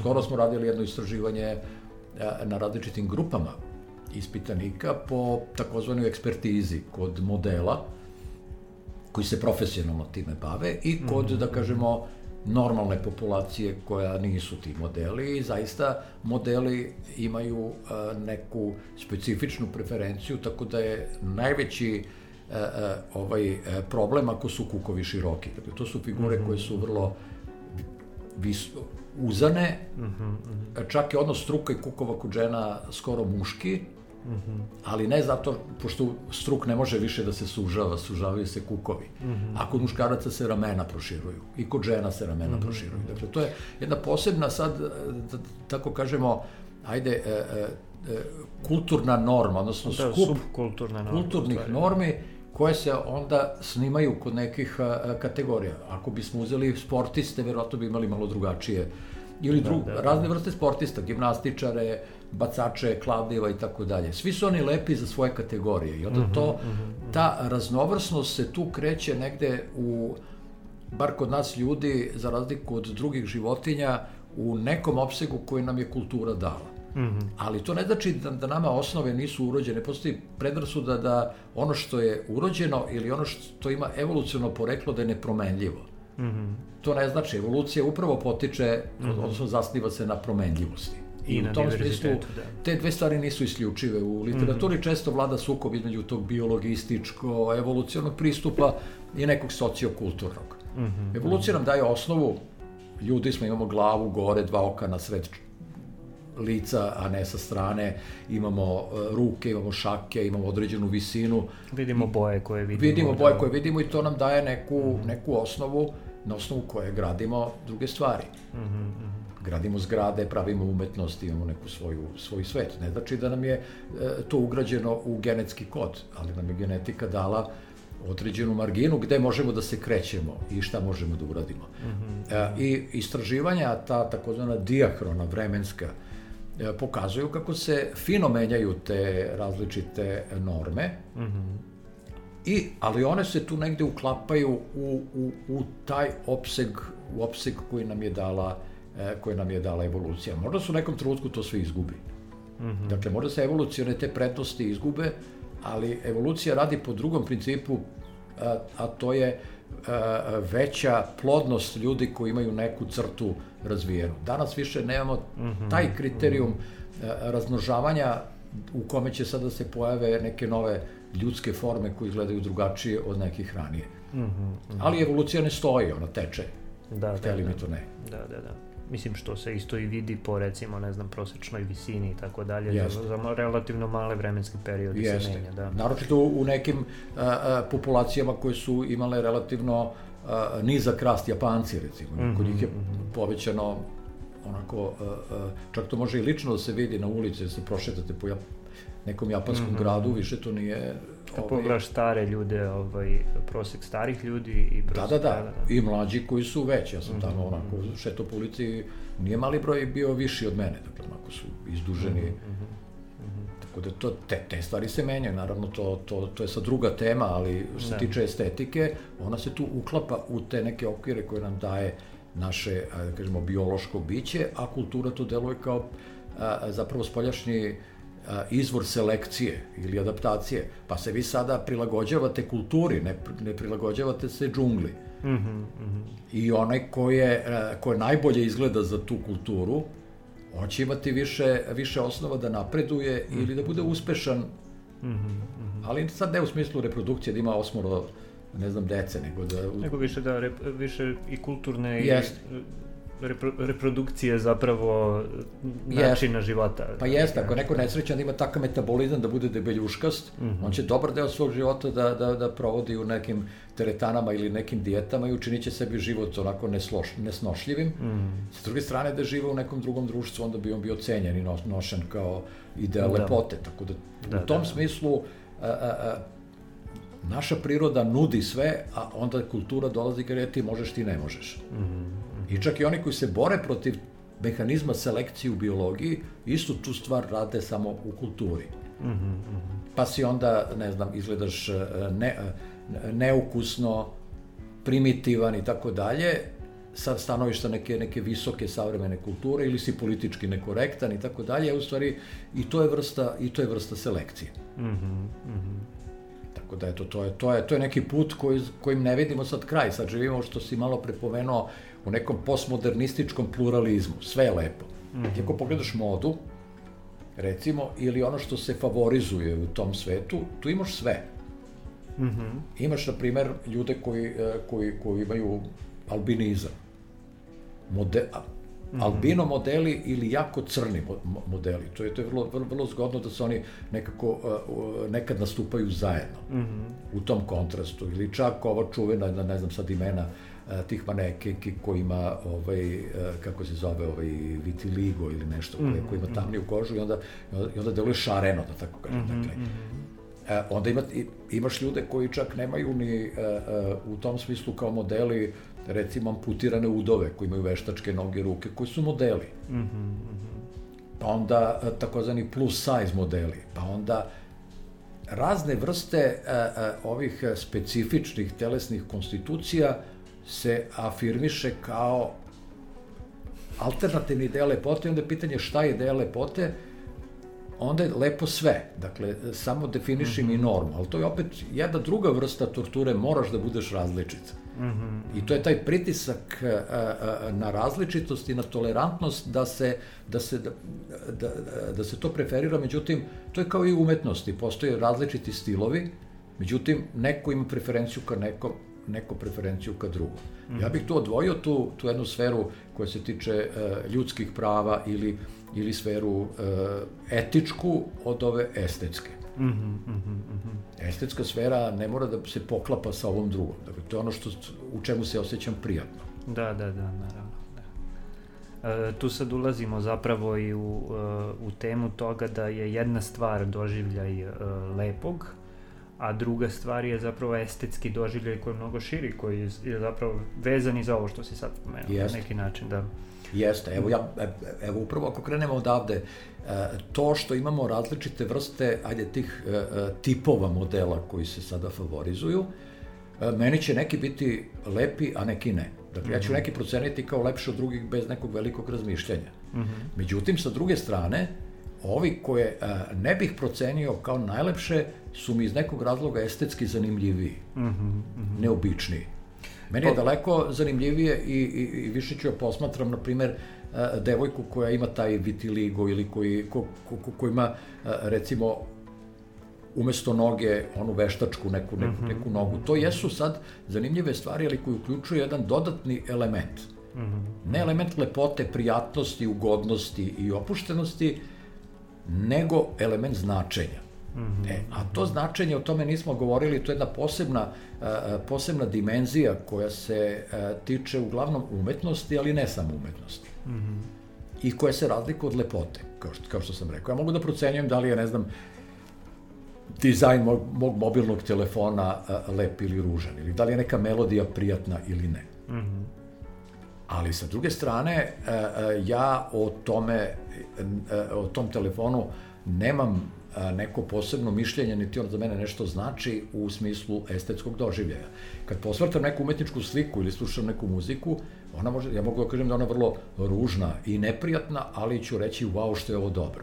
Mm, da, to je ono što si pomenuo u stvari pobuđujuće, jel da? Pa da, to je, to je nešto da. što, što, što te e, pobuđuje, ali ne mora samo da bude e, e, pobuđujuće u smislu da te tera na akciju, nego te čak tera i na poniženost. Na primer, osjećanje strahopoštovanja. Aha, aha, aha. Neku tragediju, ili ne, neke ogromne, velike ta umetnička dela koja te učine malim i ti staneš i kažeš wow. E, to, mm. to je sad taj trenutak kada izlaziš iz realnosti kakva je pragmatična koja te okruža i ulaziš u neki, ajde, virtualni, zamišljeni svet u kome ta stvar više nije ta stvar, da citiram Đenku iz eh, čuvenog filma, vi niste to dvoje ljudi, nego ste vi neki drugi ljudi. Mm -hmm. To je ono što gledamo u pozorištu ili u filmu. Mm -hmm. Ta razlika između ljudi kao osoba, kao glumaca i karaktera koje oni glume je a, a, u stvari a, dobar primer a, stimulacije za estetski doživljaj. Sedite u pozorištu, mm -hmm, mm -hmm. Uh, ili bioskop, vlade pozorište je nekako lepše. I sad tu su tvrde te, te stolice, neudobno je, ti si u sali, tu sede razni ljudi, šuškaju se, tamo po škripavim daskama trče neki ljudi nešto rade, ali ti nisi ni, ni, ni u tom sedištu, nisi ni na tim daskama, nisi vezani za te glumce koji su tu, nego za priču. Mm -hmm, mm -hmm. I one pred tvojim očima tu odnose stolice, vraćaju drugo, menjaju scenu i ti se lako prilagođavaš da je to nešto drugo. Dakle, ti si u nekoj mm -hmm. sferi koja te obuzme. I e, e, osnova za taj estetski doživljaj je očigledno dečija igra. To deca mm -hmm. rade. Dakle, to je, -hmm. to je ta, mm -hmm. ajde da kažemo, psihološka neka sposobnost koja omogućava ljudima da uživaju umetnosti. To je ta neka, ajde, fascinacija s običnim stvarima.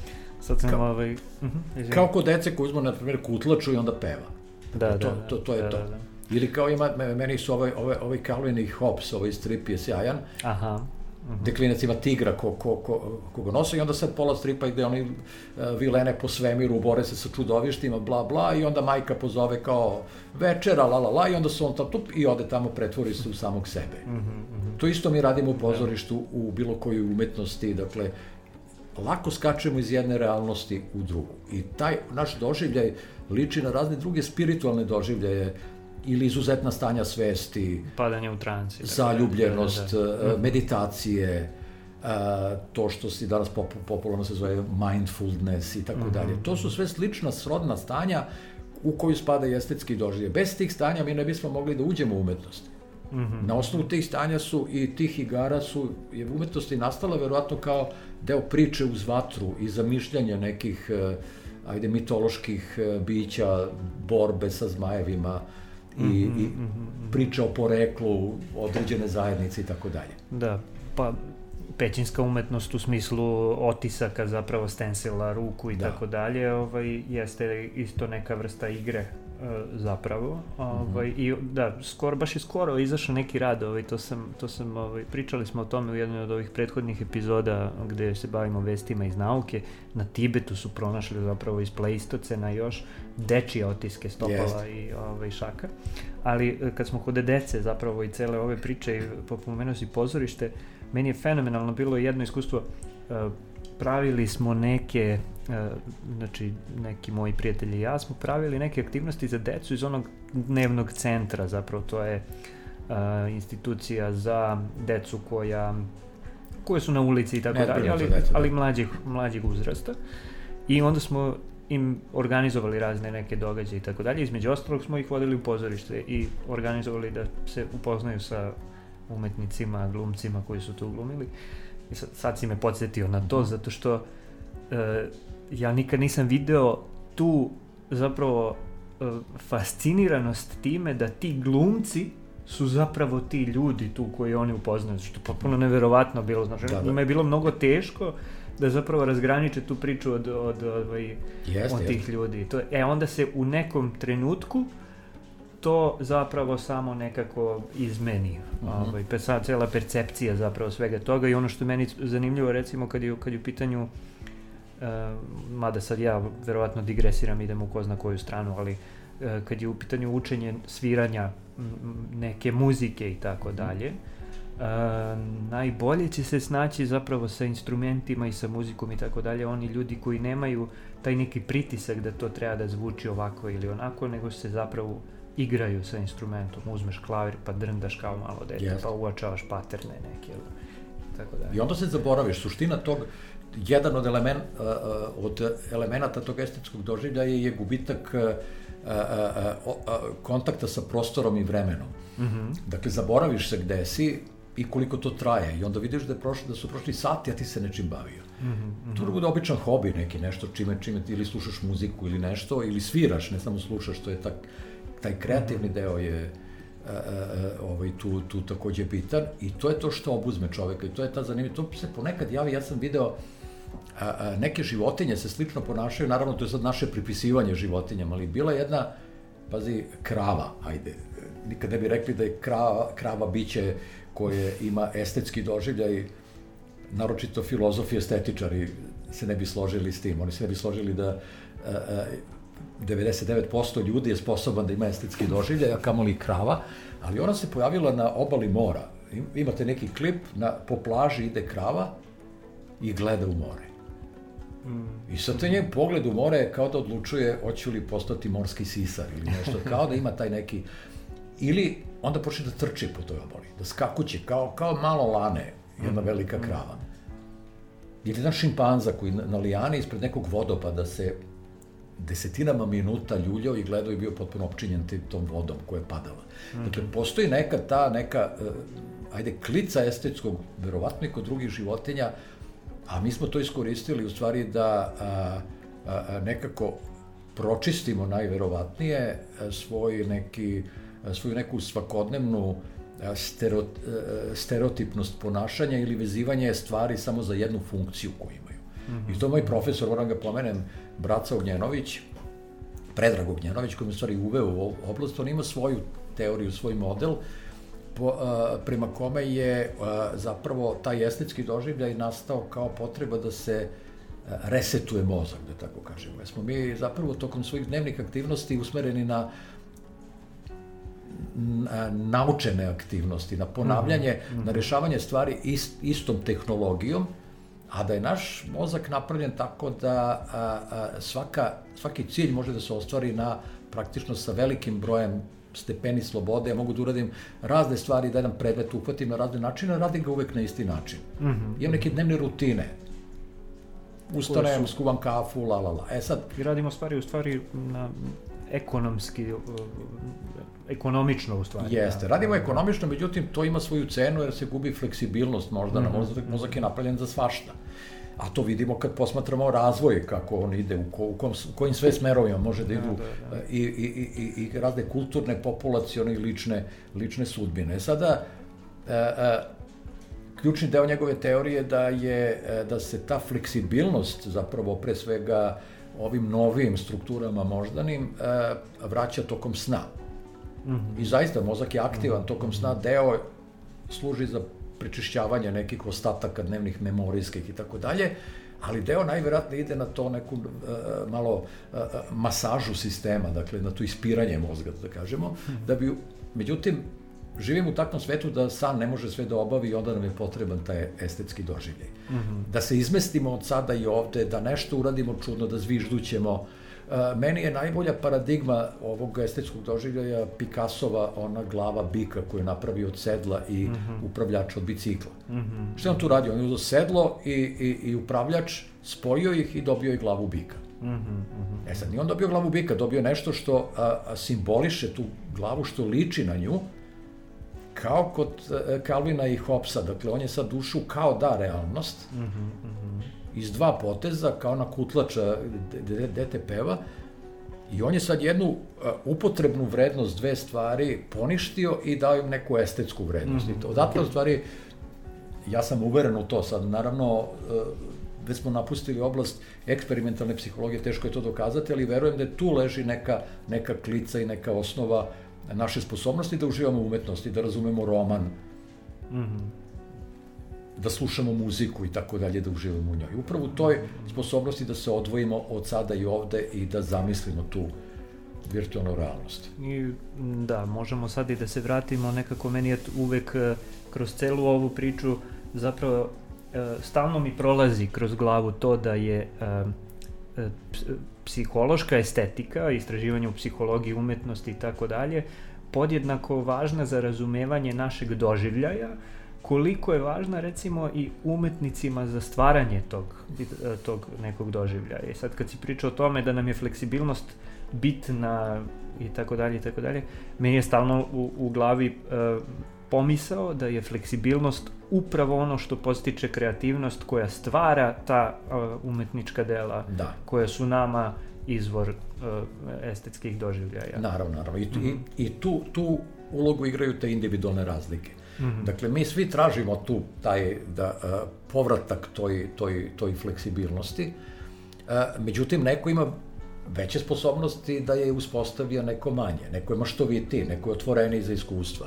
Neko lakše može da povezuje stvari koje su nepovezane, udaljene i to zovemo kreativnost. Mm -hmm. A, neko je tu rigidan onako, ali taj koji je rigidan ima neke svoje kanale gde, is, gde, gde ispoljava, gde vraća tu fleksibilnost. Mm -hmm. Čak nama to ne mora da izgleda uopšte kao nešto relevantno, ali način na koji se oblači, gde drži stvari, Mm -hmm. Mi ćemo reći da da je nefleksibilan neki obsesivno-kompulzivni tip koji radi uvek iste stvari, ali e, zapravo on to radi zato što vraća sebi neku, ajde to sad paradoksalno zvuči, ali on sebi radi te besmislene stvari koje uopšte nemaju svrhu u njegovom životu praktične.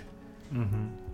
Nego imaju simboličku funkciju. Mm -hmm. Tako da on u stvari to što izgleda s polja kao da je rutina, u stvari to njega odvaja od efikasnosti. Često su ljudi koji su obsesivno kompozivni vrlo neefikasni. Mm rade sto puta jednu istu stvar što rade sto puta jednu istu stvar. Da, da, da. Dakle, Troše resurse na, na jeste, jeste, na stvari koje... Jeste, da. jeste, tako da nama čak i umetnik deluje koji, koji, koji ponavlja jednu istu stvar, a, a, a, recimo, besmisleno, što bi neko sedeo po ceo dan i svirao.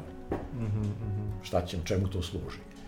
ali služimo da se namiri negde iznutra i onda on izađe srećniji odatle. Ne mora nužno srećniji, može se zaplete u neku muku koja ga kasnije vuče dalje i to je sad isto a, ne treba mistifikovati ni taj estetski doživljaj, nisu ni umetnici uvek kreativni, a, a, vrlo je taj put e, često trnovit, oni moraju da rade, da kopaju, da rade, mislim, sa druge strane ubacuju te svoje rutine da bi odradili stvar koju su zamislili da treba da izgleda tako i tako, tako da to sve izmešano. S druge strane postoji estetski doživljaj zapravo i u repetativnosti e, jednostavnih stvari, pogotovo u toj nekoj, e, ajde kažemo, me, megalomanskoj repetativnosti i tako dalje. Ima mno, mnoštvo nekih i umetničkih dela i ne znam, i kompozicija muzičkih koji su tako do besvesti repetativne, pogotovo, ne znam, u minimalizmu. Da. Ovaj, koje same po sebi, ako, ako ih gledaš, tu nije ništa Jest. wow, jednostavna, prosta da. neka stvar, ali kad sagledaš to iz neke veće perspektive, onda, onda ti zapravo probudi neki... Jeste, nije, nije onda čudno što je, e, e, ajde, popularna muzika zapadna u stvari e, došla do onoga od čega i krenula, to je ta ritmičnost. Dakle, mm -hmm.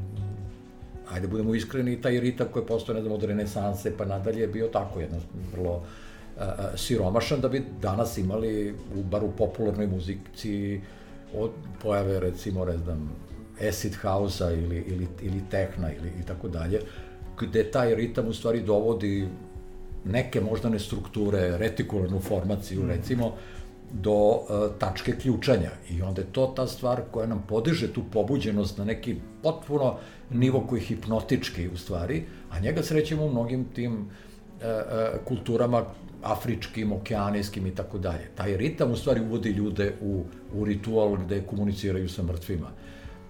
Da, da pomenem isto i uh, onaj, onaj čuveni ritual rusalke u istočnoj Srbiji, mm -hmm, mm -hmm. gde se ono igra vlaško kolo, vrlo ritmično tam, tam, tam, tam, tam, dok žena ne padne u trans. Dakle, mm -hmm. to je, uh, ta ritmičnost često dovodi E, e, e, mozak u neko stanje, izuzetno stanje svesti, koje naravno možemo da izazovemo i drugi, na druge načine, ne moramo samo tim, tim ritmom, ali za, zato je on uspešan. Mm -hmm. Pa evo kad uh, slušamo guslare, te gusle na što liče, mm -hmm. neke mogu da deluju iritantno potpuno, ali ja zamišljam da oni deluju kao neki ispunjivač pozadine koji diže tu pobuđenost da bi priča mogla da uleti kao kroz ili, trojansko konje. Ili konja. gajde na neki način, da. isto gajde su isto... Da, i to se ponavlja, i ponavlja, i ponavlja, u jednom trenutku samo se otkačiš i odeš u, da, da. u taj svemir kao kad slušaš tehno na nekom rejvu i sad, sad ispade da sam ja neki veliki ljubitelj toga, da. ali, ali mogu da razumem to. Uh -huh, uh -huh. E, dobro, e, je li ima načina da, da možda pričamo o tome kako se e, estetski doživljaj empirijski istražuje? Šta, kak, kako se empirijski istražuje estetski da. doživljaj. Da. Znači, mi smo sad o, sve ovo što smo pričali u stvari na, na neki način ajde kao da smo promišljali, ali yes. da postoji iza svega toga um, uh -huh. ne bih da zvučim previše pozitivistički nastrojen i ovaj empiristički, ali nekako to mi je trenutno zanimljivo i mislim da, da jedna stvar je zapravo yes promišljati, a druga stvar je kad, kad ti nekako to vidiš Jeste. jedan kroz jedan. Jeste, jasno, ja, e, jasno mi je što pitaš, pa e, lepotu je lakše ispitivati, pitaš li ti je lepo ili ti je ružno, a sad e, nekog mm. da pitaš, izvini, da li si ti u stanju ekstremne fasciniranosti i on kaže, molim šta, i već izađe iz toga. Dakle, teško ispitati, moguće da se pita, retrospektivno ili tako dalje, da popunjava razne skale. Mi smo mapirali šta čini te opisivače tog doživljaja. To su pridevi kao što su a, opčinjavajuće, neizrecivo, jedinstveno i tako dalje. Dakle, to su a, reči kojima neko opisuje ta stanja, što je, ajde, jedna faza u istraživanjima. A, druga faza, drugi način a, a, je da se a, ispitanik obuči, dakle, da prati svoje to stanje mm -hmm. koje se razvija i da istovremeno daje odgovor. Evo, evo jednog primera, jedne tehnike koja je tu zgodna, recimo gleda, gleda neki film, video neki, koji sad treba da ga obuzme i tako dalje. E sad on ne prekida taj film ili može on retrospektivno da ga procenjuje na nekim, nekim skalama. On na primjer, ima pedalu neku ili neki joystick. Mm -hmm. preko koga sa promenom neke svoje, trenutno samo malo ga pojača, dakle ne, ne odloči pažnju previše na zadatak, mm -hmm da sad nešto razmišlja, procenjuje, nego jednostavno ima samo kada, kada oseti da se, da se malo pobudio više, onda ga, e, onda ga aktivira. I onda mhm. jednostavno povežete sadržaj filma, ili ako sluša muziku, ona je vremenski lepo raspoređena i pratite njegove odgovore kako pritiska gas u stvari, bukvalno. To, to nije mhm. nešto što previše odloči pažnju, to je ono, to što inače radiš, kako stežeš ruke kad, kad si napet.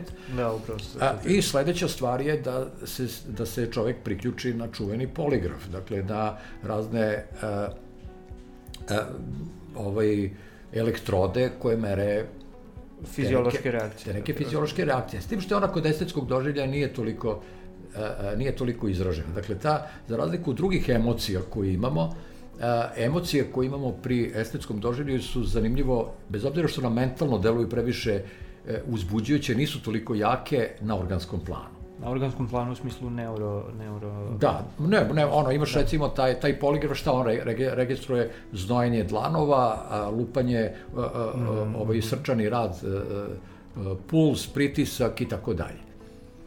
I to je, to je sad, po, ti, ti, to je tak čuveni detektor laži. Ti ne meriš mhm, nikakvu mhm. laž, niti ovde meriš nikakav doživlje, nego samo uzbuđeno zbog postavljanja pitanja koje samo ti znaš. E sad, mhm, to je ovde uh, zanimljivo. Ja, ja sam jednom, sam bio u Petnici, još, još davno, uh, pa nam je jedan kolega doneo taj, taj poligraf mm -hmm. i baš smo hteli da, da ispitujemo neku klicu doživlja ovog estetskog, aha, doživlje, kad neko otkrije neku stvar, to, to je nešto, mm -hmm. eureka, doživlje koji liči na to.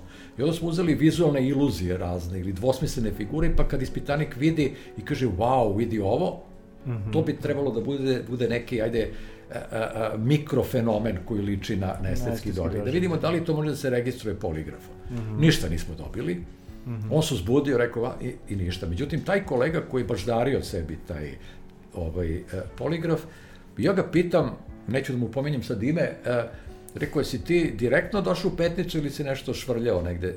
i vidiš njemu kreće ovaj reakcija bi na, na ovome.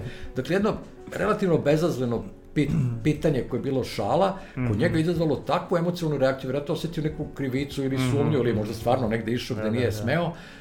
I a, ta emocionalna reakcija je daleko jača nego recimo pri gledanju horror filma. Da, da. To ja često studentima pričam mm. o tome št, koja je razlika između a, emocija koje se navodno izvode u eksperimentalnim laboratorijama i pravim emocijama koje se dešavaju u životu. Mm -hmm. Da vi kad dođete, a, e, vraćate se iz grada i vidite vrata svog stana očkrinuta. Mm -hmm. To je zapravo... Vi se presečete da. i ne možete se oporaviti bez obzira šta je tu bilo, a gledate neke najgroznije filmove mm -hmm. i onda bude pauza i odete skuvate kafu, la la la, ništa mi nije. Dakle, ta, to, to, vi naravno ste uzbuđeni, izgroženi i tako dalje, ali predstava emocija nije isto što je emocija. Izgleda da su mm. ove estetske emocije ili ta estetski doživlje spada u neke te, uh, uh, što je jedan kolega rekao, uh, pleasures of the mind. Mm -hmm. Dakle, to su i imaju slabiju tu fiziološku komponentu, ja bih rekao. Imaju neuralnu, naravno, imaju neke druge. Jedino gde se, gde se javlja taj uh, uh, taj element, i to je takođe vezano za merenje, kako možemo da znamo, to, je, to su žmarci. Mm -hmm.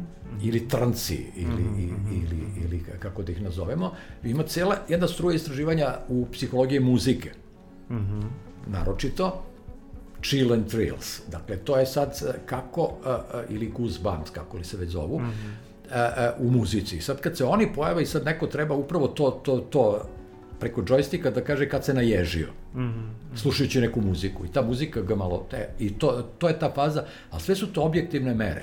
Mm -hmm. Jer teško je što su uh, uh, na, na početku samog razvoja psihologije u prvoj laboratoriji za eksperimentalnu psihologiju u Leipzigu uh, koristili introspekciju koju su ispitanici sami, obučeni mhm. ispitanici, sami sebe procenjivali kako rešavaju probleme, kako misle i tako dalje. Jedna, jedna od kritika tog pristupa je bilo da ne može čovek istovremeno da bude i glumac i publika. Mm -hmm. I onda su uveli tu retrospekciju, ti onda rekonstruišeš kako si rešio, onda se malo gubi, već se onda konstruišeš neke stvari. Ili se zaustavljaš više puta tokom tog procesa. To ni uopšte nije jednostavno konceptualno, mm -hmm. ani tehnički da se reši. Jedan od načina da se dobiju neke informacije kad je neko u tom stanju je da simultano sa odvijanjem doživljaja nam šalje neke male, male izraze, signale. Ili da se prati ako to može da se da. vidi, da, da, mislim, da, da, da. facijalna ekspresija i tako dalje. To, to da, to ima, to se recimo priključe ali to, tu moraju da budu dosta jači ti stimulusi, mhm. taj, taj, taj refleks lica, na primjer osmeh blagi ili e, emocije se vrlo tim mikropokretima izražavaju, to se čuje, kad se čovjek priključi na sve te elektrode i, i kaže treba sad budi spontan i, i, i doživljava i umetnost, to je mhm. teško. O dobro, ultimativno će se razviti tehnologija koja, koja neće biti primetna zapravo. Apsolutno. Da. I kad smo kod tehnologije, možda tu možemo i da privodimo kraju u stvari. Uh, E, je koliko je zapravo cela oblast e, psihološke estetike e, uvezana i koliko se razvila i u kom smeru se razvija kad su u pitanju zapravo neuronauke. Jer sve ove stvari o kojima pri, mi pričamo uh mhm. -huh. su kad se svedu na nivo uh, neurona zapravo aktivirajući događaj za neke delove mozga i tako dalje čega tu ima sad? Mislim, kako je tu možda cela nova epizoda, ali... Može cela epizoda, ali ne mora. Evo, a, a, jedan, ajde, indikativno je to da su, a, eto, poslednje dve godine su me zvali u Centru za promocije, promociju nauke da pričam nešto o neuroestetici.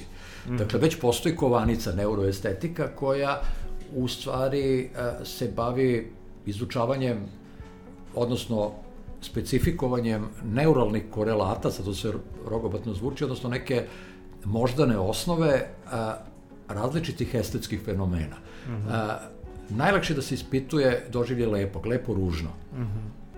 I oni sastoju u tome da vi sad, e, recimo, najčešće se koristi funkcionalna magnetna rezonanca ili popularno nazvana fMRI, a nekad se koristi i EEG. Mm -hmm. Elektroencefalografija je najzgodnija za ispitivanje tih vremenskih e, e, stimulusa, kao što je muzika, film, jer ona ima bolju vremensku rezoluciju, ali slabu prostornu, mm -hmm. što se mozga, a fMRI zahteva malo duže vremena da se prokrvi deo mozga koji je aktivan i onda mora da se dosta ponavlja ovaj, e, taj isti stimulus da stoji ispred ispitanika. I sad, u čemu se sastoji? Njega uzmu ispitanika, onda ga stave u onaj magnet koji izgleda kao rerno, onako, mm -hmm. i daju mu ispred, onako, nje, iznad glave mu stoje razne slike. Sad on ocenjuje lica, sviđa mi se, ne sviđa mi se, ili različite umetničke slike i onda jednostavno vide koji deo mozga je aktivniji dok on to radi, koji je a, a, aktivni, a koji je manje aktivan, recimo inhibiran u odnosu na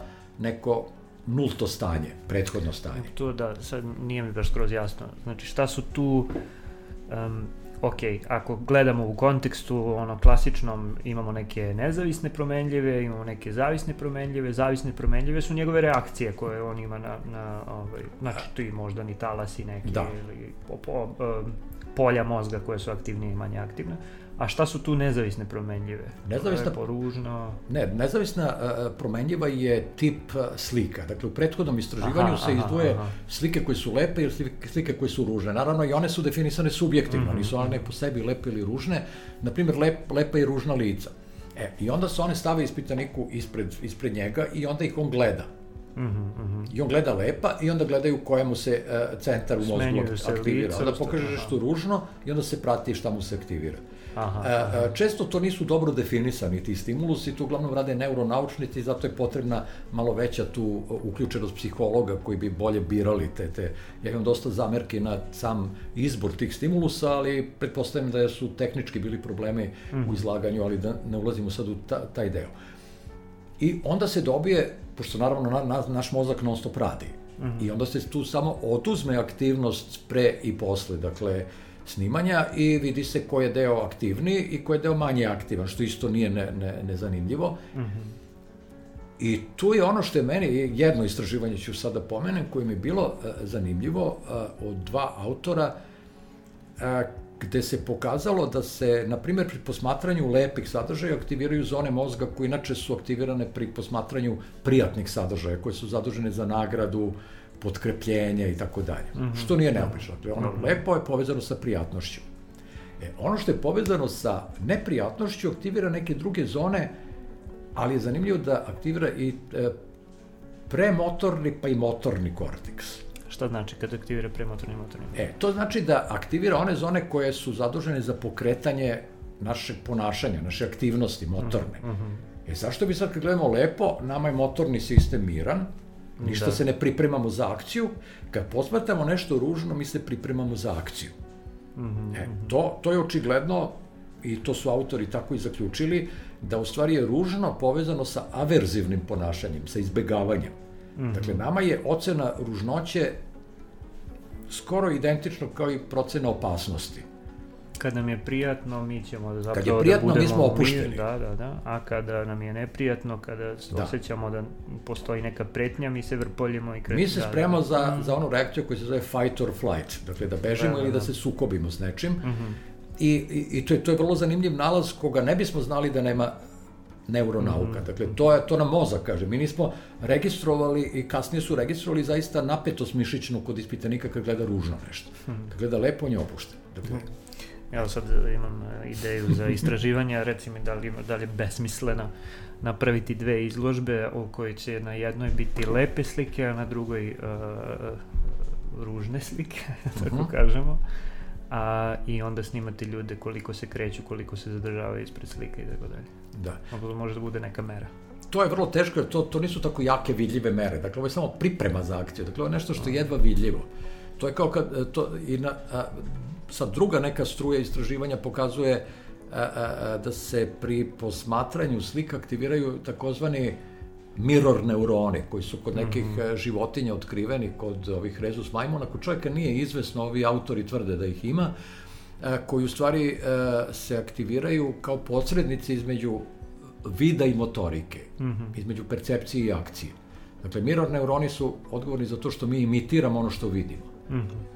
E, I kad gledamo neku sliku, na primjer, koja je, e, koja je cik-cak, neke oštre linije, u nama se zapravo, kao da se aktivira taj cik-cak pokret, neki oštar, i onda se mi osetimo tako. To je, mm -hmm. to je, to je, to je, to je vrlo zanimljiva hipoteza, zašto recimo kad beba vidi nekog da se smeje, pa se ona nasmeje.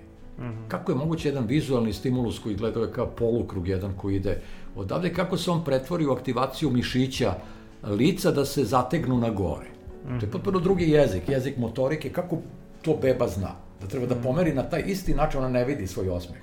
To nije kad neko maše, pa ja mašem. Pa i to isto, ja iz ovog ugla mašem jednog, a neko iz nekog drugog, ali upravo su ti mirror neuroni odgovorni za tu imitaciju. Mm -hmm. I mnogi autori koji se bave e, ovim estetskim doživljajem, u stvari e, našu sposobnost da doživimo neko umetničko delo e, objašnjavaju tom empatijom sa, sa, sa samom slikom koju posmetramo ili sa muzikom. Znači, mm. muzika vodi i ona nama izaziva neka stanja koja su u stvari, da. koja bi bila nemoguća da nemamo tu empatičku sposobnost. Što sad naravno otvara mnoga pitanja da li oni koji imaju nisku empatiju kao psihopate recimo uopšte mogu da dožive umetnost. Mm. To, je meni, to bi meni bilo zanimljivo. Nisu se mnogo ljudi time bavili, ali eto može. Oni mogu psihopate kao da budu izvrsni etičari. Dakle, psihopata koji je inteligentan, on tačno zna šta je dobro, šta je loše i oni se prepoznaju po tome što vole da pričaju o etici i o moralu. Što mm -hmm. više priča o moralu, to je veća šansa da je to psihopata. Mm -hmm. On može da nauči i estetiku i da priča lepo, da analizira umetnost, ali da ništa ne osjeća. Mm -hmm, mm -hmm. Tako da je to moguće, to je jedna stvar pričati mm -hmm. o tome, znati nešto o nečemu i doživljavati. Mm -hmm. Zato je meni taj deo koji se tiče ekspertize, našeg iskustva sa, sa umetnosti i samim estetskim doživljajima, donekle sumnjiv. Jedno je uh, ima, imati neki korpus znanja, a drugo je sam nekako intuitivno doživljavati. Mm -hmm. Često se desi da neko ko je ekspert u nekoj oblasti nema tu emociju, a neko ko ni prvi put nešto vidi, kao mm -hmm. u mhm. filmu, recimo, Object of Beauty, da ga pomenem. Da, nisam gledao. E, da, to je jedan sjajan film u kome se uh, jedna sobarica krade iz hotelske sobe uh, nekim, ajde, bogatom paru. Uh, zaboravim se koga glumi John Malković i, i, i uh, sad zaboravih ko tu još igra, nije važno. Nije važno, da. Ona se prikrada u stvari. E, to je figurica Henrya Mura, neka mala. Uh mhm. -huh. I gluvo nema sobarica, neka latinoamerikanka koja radi kad je videla, ona je bila opčinjena tom figuricom i ukrala. Mislila da je to neka bez veze, neka igračkica mala. Uh -huh, uh -huh. I onda na kraju to otkriju i to bude onako, a oni su hteli to da prodaju jer su bili ovaj, a, a, nešto u nekoj krizi finansijskoj. Za njih je to bilo samo neki, uh, ajde da kažemo, finansijski uh, uh, objekat, a njoj je bio to, što kažu, objekat lepote. Mm -hmm, mm -hmm. Nema veze što su oni obrazovani, ona nije, to je na nju nekako delovalo. -hmm. Da. E, dobro, ajde, pravimo malu pauzu i onda se vraćamo da se odjavimo.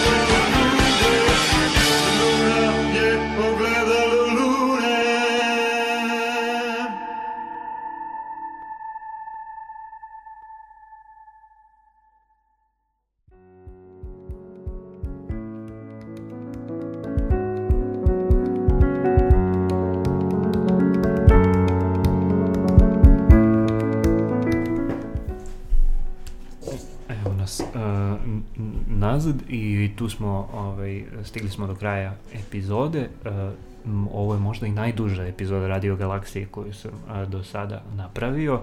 A, vreme nam je proletelo a, ekstremno brzo, što je neka mera zapravo estetskog doživljaja, verovatno. da.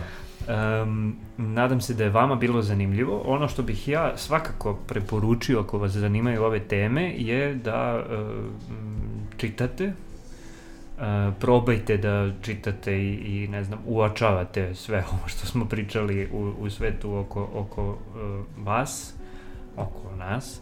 Uh, ono što je meni zapravo bilo uh, zanimljivo jesu i ove, ove čuvene dve knjige Umberta Eka koje su Istorija lepote, Istorija ružnoće, meni je to potpuno promenilo uh, um, odnos prema tome kako gledaš nešto što je lepo i što je ružno i koliki je zapravo spektar ovaj, sve, svega uh, što može bude lepo i može bude ružno. A, a vezano za uh, estetiku psihološku i eksperimentalnu, ono gde sam ja ovaj, zapravo čitao o tome jesu upravo ove dve knjige um, um, koje smo pomenuli. Uh, to je uh, Opažanje dobre forme i uh, ova druga se zove Domeni estetske preferencije. Da. Bravo.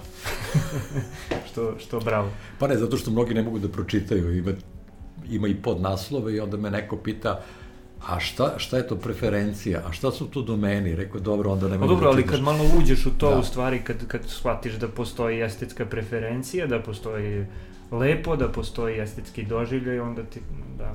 Da.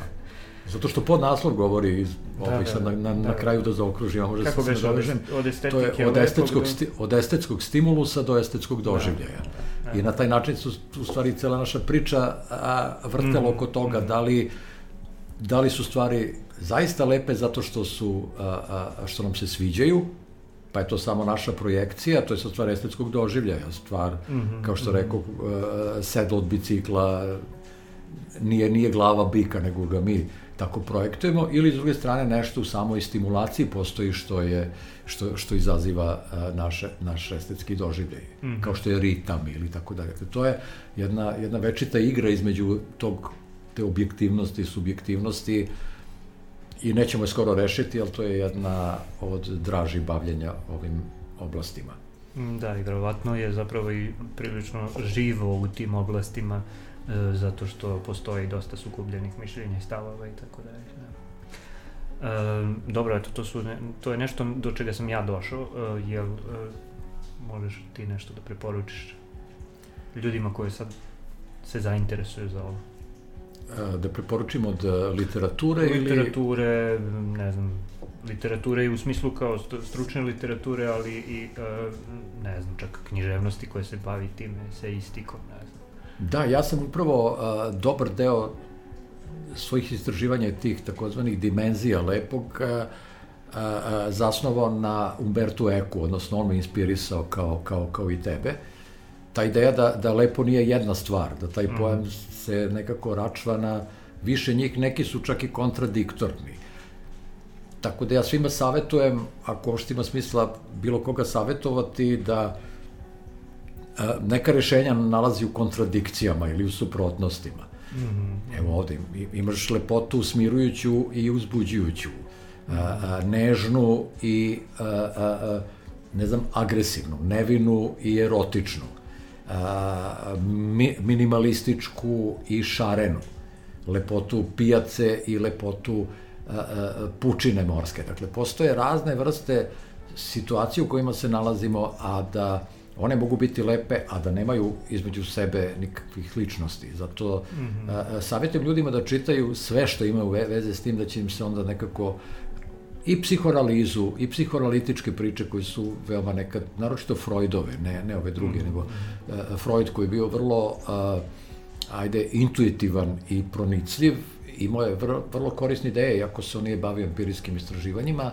mm. pa do ovih, ovih uh, neuronaučnih koji su manje više tako krute, ali postoje uh, lep, lepi pregledni radovi. Mm. Uh, većina literature je zapravo svedena na te, kako, bih rekao, članke ili te kratke, kratke forme kakve se često pojavljuju u nauci, ali ima često i, i evo, može, mogu Arheima, recimo Rudolf Arheima koji je pisao e, kreativnosti viđenja. i u to, to je recimo, umetnosti. da, kad smo, kad smo dolazili, kad smo se dogovarali, u stvari ja sam ti rekao da imam tu Arhajmovu knjigu, ne znam odakle, onda sam shvatio odakle, uh, moj ujak je završio fakultet dramskih umetnosti i onda sam shvatio da, ovo je njega ona literatura koju zapravo na Yes. FDU, on je kameru završio, uh, je literatura za ispit. Da. To, je, to, to je izdao Univerzitet umetnosti. Da, da, da. I to je jedan izvor, evo ja sam krenuo da se bavim percepcijom, mm -hmm. viđenjem i ta prva knjiga moja Opažanje dobre forme, u stvari govori o tome da kad opažamo formu ili e, kad u nekim konstelacijama nekih elemenata vidimo neku smislenu konfiguraciju, da u njoj leži neka, neka prijatnost, neki estetski doživljaj.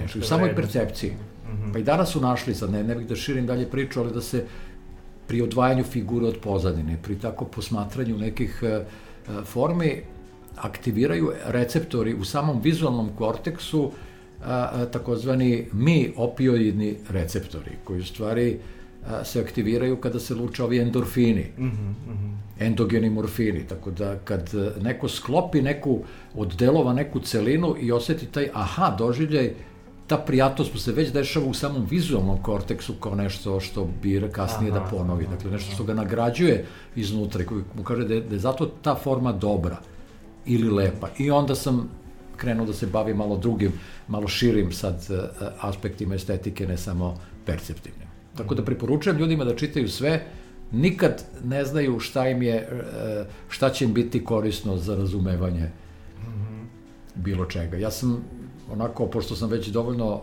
ovaj, uh, mator, onda koristim sve jer ne znam šta će mi biti, biti, biti značajno. Ja mislim da je to, uh, ko je to rekao, od ovih uh, osnivača Apple-a.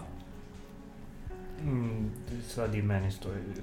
Kada je držao uh, predavanje studentima, on nije ni, ni uh, završio ni jedan fakultet, nego je studirao negde i išao na časove, recimo, kaligrafije, između ostalog. Mm -hmm. I onda kaže, tek kad je napravio ovaj prvi taj Apple-ov Windows, da tako kažemo, njemu je ta neka estetika, dizajn koji je stekao kroz kaligrafiju, mu je pomogla da napravi nešto što bi bilo user friendly, što bi onaj ko to gleda imao lep pri, prizor na ekranu, imao ikonice, kantu za đubre i tako dalje. Da, da. Ali kaže, dok je, dok je to studirao, dok je učio, on to nije znao mm. da će mu ikad trebati. Tek mm. unazad vidi. I onda je savjetovo te mlade, mlade ljude, čitajte sve, učite sve, skupljajte informacije, nikad ne znate unapred šta će vam kad biti, biti korisno. A da, kao što je, jel te, ovo razumevanje ljudskog ponašanja ili ljudskih emocija ili kognicije ili šta god, ono, koji god aspekt psihologije da, da uzmemo jedan ogroman mozaik i generalno nauka kao jedan ogroman mozaik, tako je i naša lične zapravo e, razumevanje sveta oko nas mozaik jedan koji ne, ne znamo šta nam sve treba. Da, dobra poruka. E, hvala ti za izdvojeno vreme. Znači dva sata, dosta. Ništa, hvala tebi, ja sam uživao ja sam kao predavač na baždare na sat i po ili dva, to, toliko mi traju časovi, tako da sam i bez pauza mogao da pričam, ali je zgodno da naprimo pauzu i e, baš me živo zanima koja će muzika da upadne u pauzu. Da, ja sam hteo da te pitam, ali okay, sad ću da te iznenadim. da, dobro. Um, ništa, hvala ti još jednom. Um, Uh, vidjet ćemo se nekom drugom prilikom, uh, kad izađe, na primjer, ta treća knjiga koju spominješ. Da. Um, a, da, to je to, u suštini sad, sad dolazi ona odjava dosadna, ali nama važna, a to je slušajte nas, pratite nas na društvenim mrežama i ako možete i e, želite, e, znači nam finansijska pomoć koju možete da nam e, da nam uputite preko Patreona ili Paypala. Sve informacije imate u opisima epizoda i na našim mrežama i mi se čujemo sledećeg utorka od 10 sati na radio aparatu, a a, inače o, možete da nas slušate preko svih ovih naših servisa za slušanje a, YouTube, Buzzsprout, Spotify i tako dalje i tako dalje. Do slušanja.